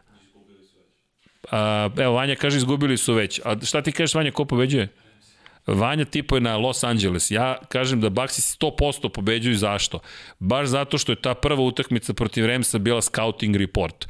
I ako se setite, Baxi bukvalno nisu pokazali ništa od onoga što planiraju da rade protiv Remsa, predviđajući ovu utakmicu. Vidjet ćemo da li sam upravo, ali ja mislim da u septembru ta utakmica rešena zapravo. Moje mišljenje samo. A, da, Kada će Đankić napraviti specijali od tebi, a ti od Đankić? Uuu, to je zanimljivo. Jedan veći specijal od čitave ekipe iz Infinity i ljudima koji rade kod vas za MotoGP F1. Vanja, šta ti kažeš? Dobro zvuči. Može. Đorđe, super ideja. Dom Pablo, pišite specijal o ljudima koji su Infinity. Kako? Nakon hiljaditog snimanja. pa na kom si broju, Vanja? Imaš preko 700 podcasta. Ne, intervju ovde da sedneš i klasično intervjuisanje.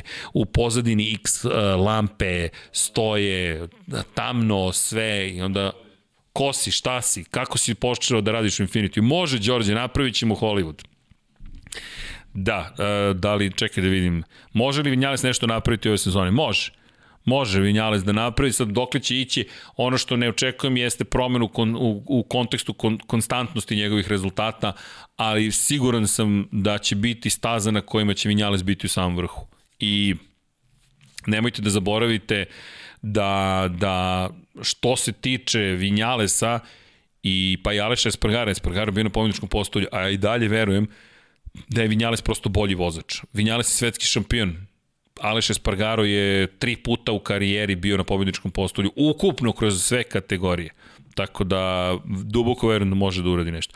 Hoćemo specijal stoneru koji ste nam ostali dužni. Dogovoreno. Dogovoreno. A, Srki, šta misliš koliko mir može ove godine? Ja vam kažem, mir iz prikrika može da bude vrlo, vrlo, vrlo, vrlo ozbiljan. E, I sad šta to znači? Verujem da može često da bude na pobedničkom postolju, verujem da će doći do druge pobede u karijeri, da li će ih biti više, ne znam, pogotovo uz Banjaju, Kvartarara i Markeza, ali verujem da će biti tu i da će iskoristiti svaku priliku.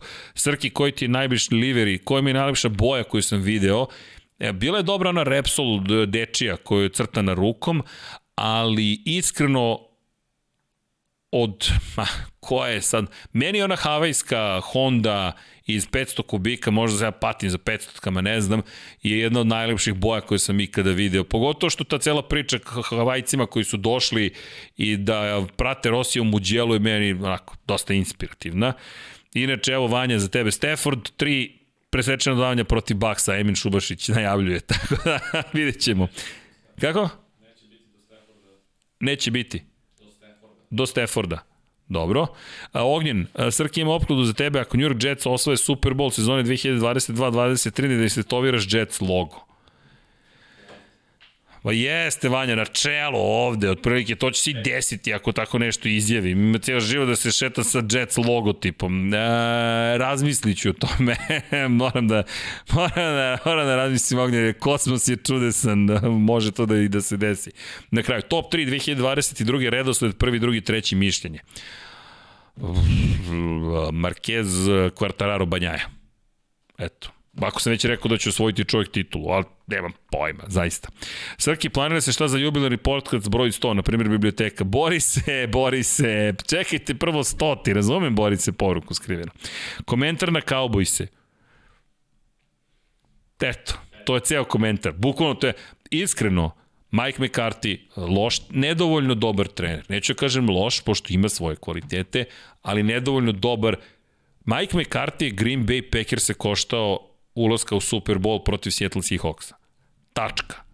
Dakle, to je sada zaboravljeno, ali Mike McCarthy je pustio Seahawkse u Super Bowl.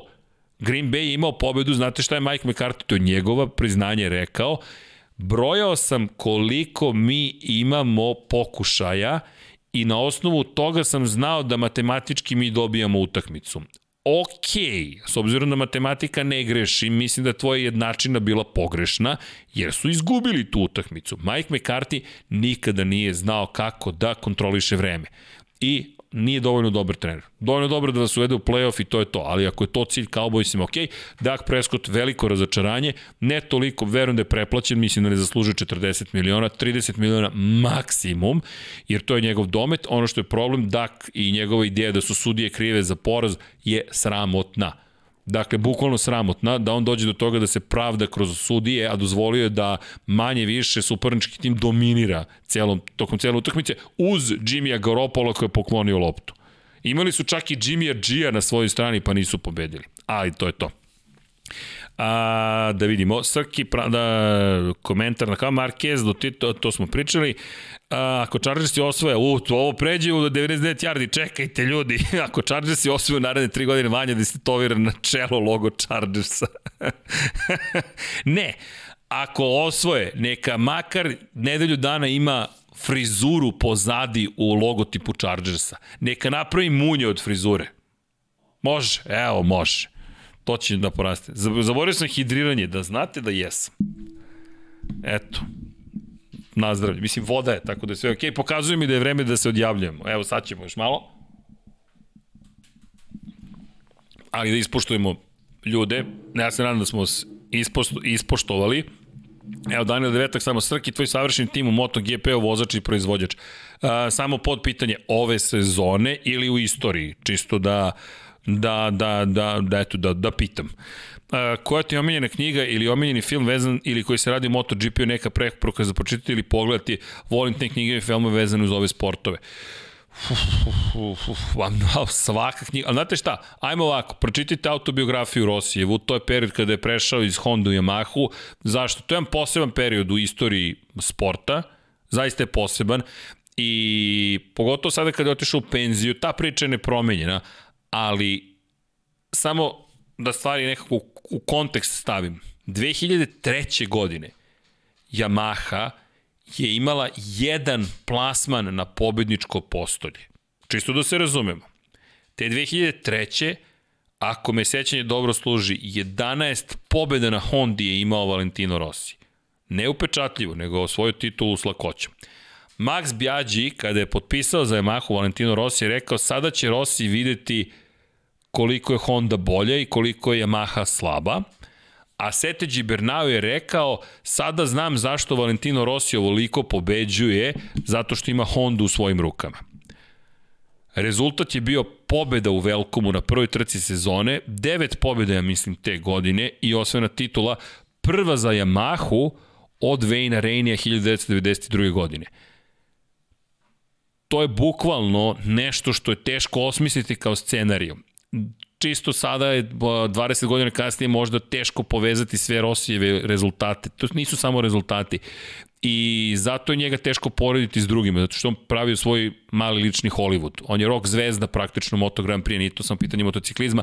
Zato bi vam preporučio tu autobiografiju. Što se tiče filmova, Pa svi su vam dosta onako uzbudljivi, ali ima tu dosta tako, dolivanja ulja na vatru. Pogledajte Hitting the Apex, pogledajte Fastest, Faster, to su dobri, to su sve, to su jedini filmovi koje imamo i čekamo Amazon da nam pokaže Prime, šta je snimao prethodne sezone, da imamo kako će to da izgleda. Ali eto, to vam je prva koja, svakako ih treba vredi pročitati.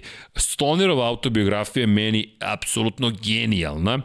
Markezova je mnogo zanimljiva zato što je ta knjiga iz 2004. opis jedne posebne sezone. Marquez je prvi čovek od Kenija Robertsa, starijeg, koji je 1978. godine osvojio titulu u debitanskoj sezoni. Inače, Kenny je vozio godinu ranije u 250 kubika. Te godine kada je svoju titulu u 500 vozio i 250 i 500. 35 godina kasnije se pojavio vozač koji u debitanskoj sezoni osvojio titulu, to je bio Mark Marquez. I ta cela knjiga, snovi se ostvaruju, mi je više knjiga o toj sezoni, 2013. godine, nego što mi je knjiga o Markezovoj karijeri.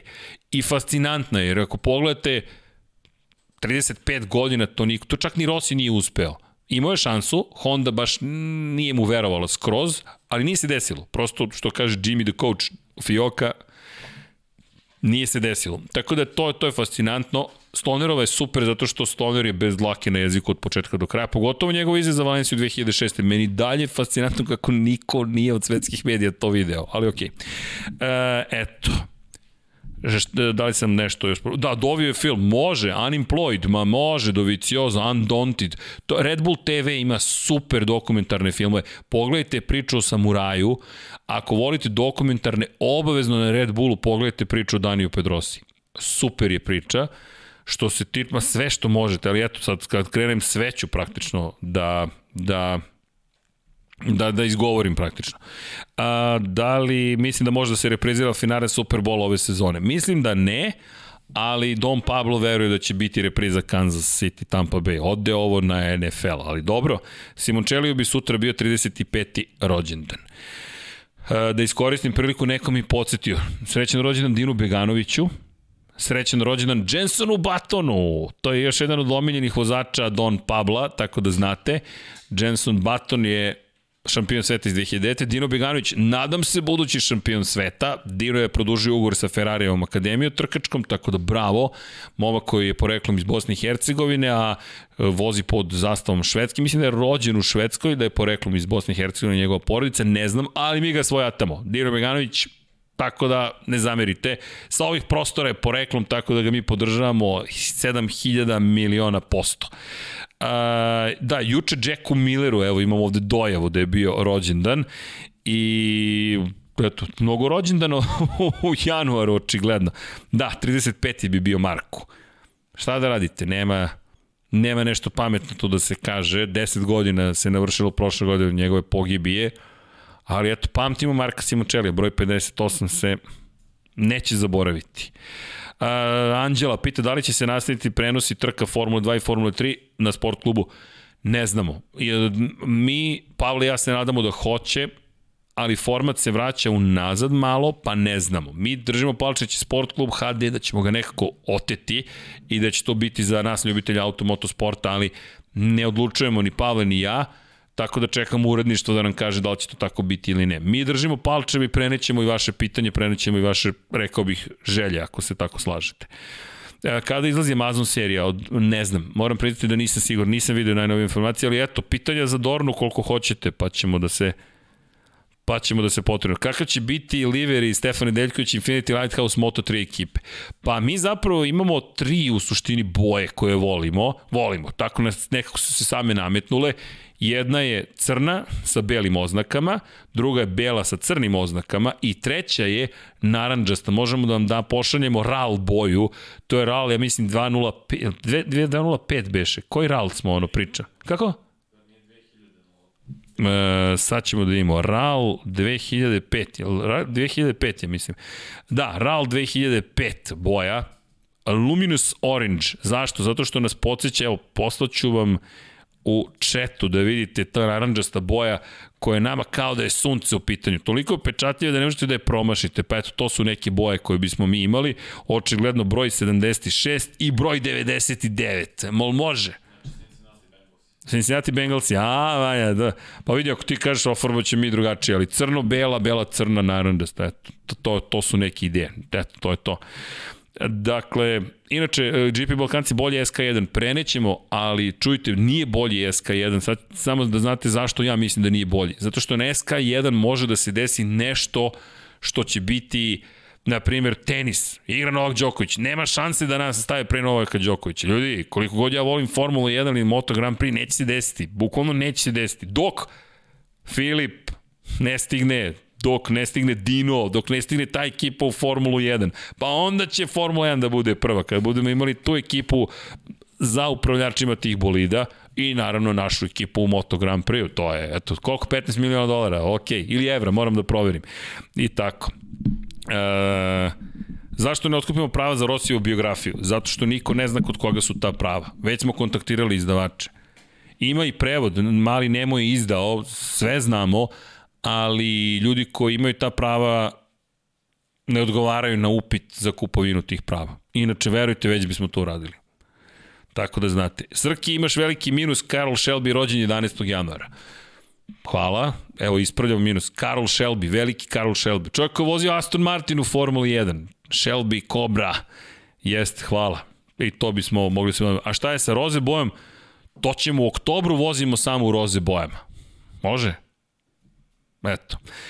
Uh, Kotor će da bude šef tima. Pa čujte, ma Kotor će da bude ikona. Njega dovedemo samo kao zamolimo da nam pravi društvo, a, a da, samo prosto da mu se divimo i to je to. Da preporuka za prvu trku MotoGP u Evropi, u smislu da idete na neku vi MotoGP trku ove godine. Muđelo, nemojte da razmišljate. Idite na Muđelo. Nema veze da li će biti Rosija tamo ili ne. Idite u Mugello. Bolonja je blizu, Ducatiju to znači. Italijani i dalje obožavaju taj sport. Jerez vam je isto sjajan, malo je dalje, ali Jerez, tamo je ljudi ludnica. Andaluzija je prelepa. Staza je mnogo dobro, ima prirodni amfiteatar. Tamo ulazak od, uh, kako se, ko, ko, dobro, to je sada je to Pedrosina, da, to je sada Pedrosina kredina, kada se kada skrenu desno na najkraćem delu, na, naj, na najsporijem delu staze i onda kreće sedma, osma, pa deveta, deseta, e, tu je prirodni amfiteatar. Imate bukvalno brda koja služe kao prirodni amfiteatar i Jerez kao grad živi za MotoGP. U Barceloni je slično, ako odete u Montmelo, ne u Barcelonu, u Montmelo odete, ne može da se spava noću. Ne može da se spava, a u Mođelu na samoj stazi ne može da se spava, tako da su nam to tople, tople preporuke. Tako da, da, da znate. Nisi zaslužio da imaš Shelby Cobru. Evo, ispravio sam se 29 palmi, tako da Nadam se da će, da će uspeti. Uh, Srki, da li negde imaju da se gledaju stare MotoGP trpe, trke? Legalno samo MotoGP.com. Ali Google, YouTube, mada na YouTube ih nema toliko, ne znam gde sam ih sretao, ali ako imate prosto propusnicu, da ne kažem video pas, možete da gledate dosta starih trka, mada mislim da nemaju sve, ali imate zaista nekih neverovatnih trka. Ljudi, ja se nadam da ste zadovoljni, Potrajalo je, evo koliko, dva i po sata skoro, nadam se da sam uradio dovoljno dobar posao, da sam vas zabavio. Udrite like ako jesam, informisao, odgovorio na pitanja, kako god imate zaista velike pozdrave Dekija, ali nehumano bi bilo tražiti od čoveka da, da dođe do, nedovoljno oporavljen. Juče je Paja izdržao nekako, ali ni njemu nije bilo lako, tako da hvala vam za razumevanje pre svega. Naravno, mi ćemo nastaviti da, da se pripremamo, informišemo, napredujemo. Imamo, eto, već nekoliko ideja večeras sjajnih, dakle, šta možemo da uradimo, pa ćemo to i učiniti i ja se nadam da ćete biti zadovoljni napretkom našim u 2022. Kao što timovi imaju svoje ideje, tako i ovaj tim Infinity Lighthouse ima neke ideje, već su stigle neke nove stvari iza kulisa koje će uskoro biti pred vama, ja se nadam.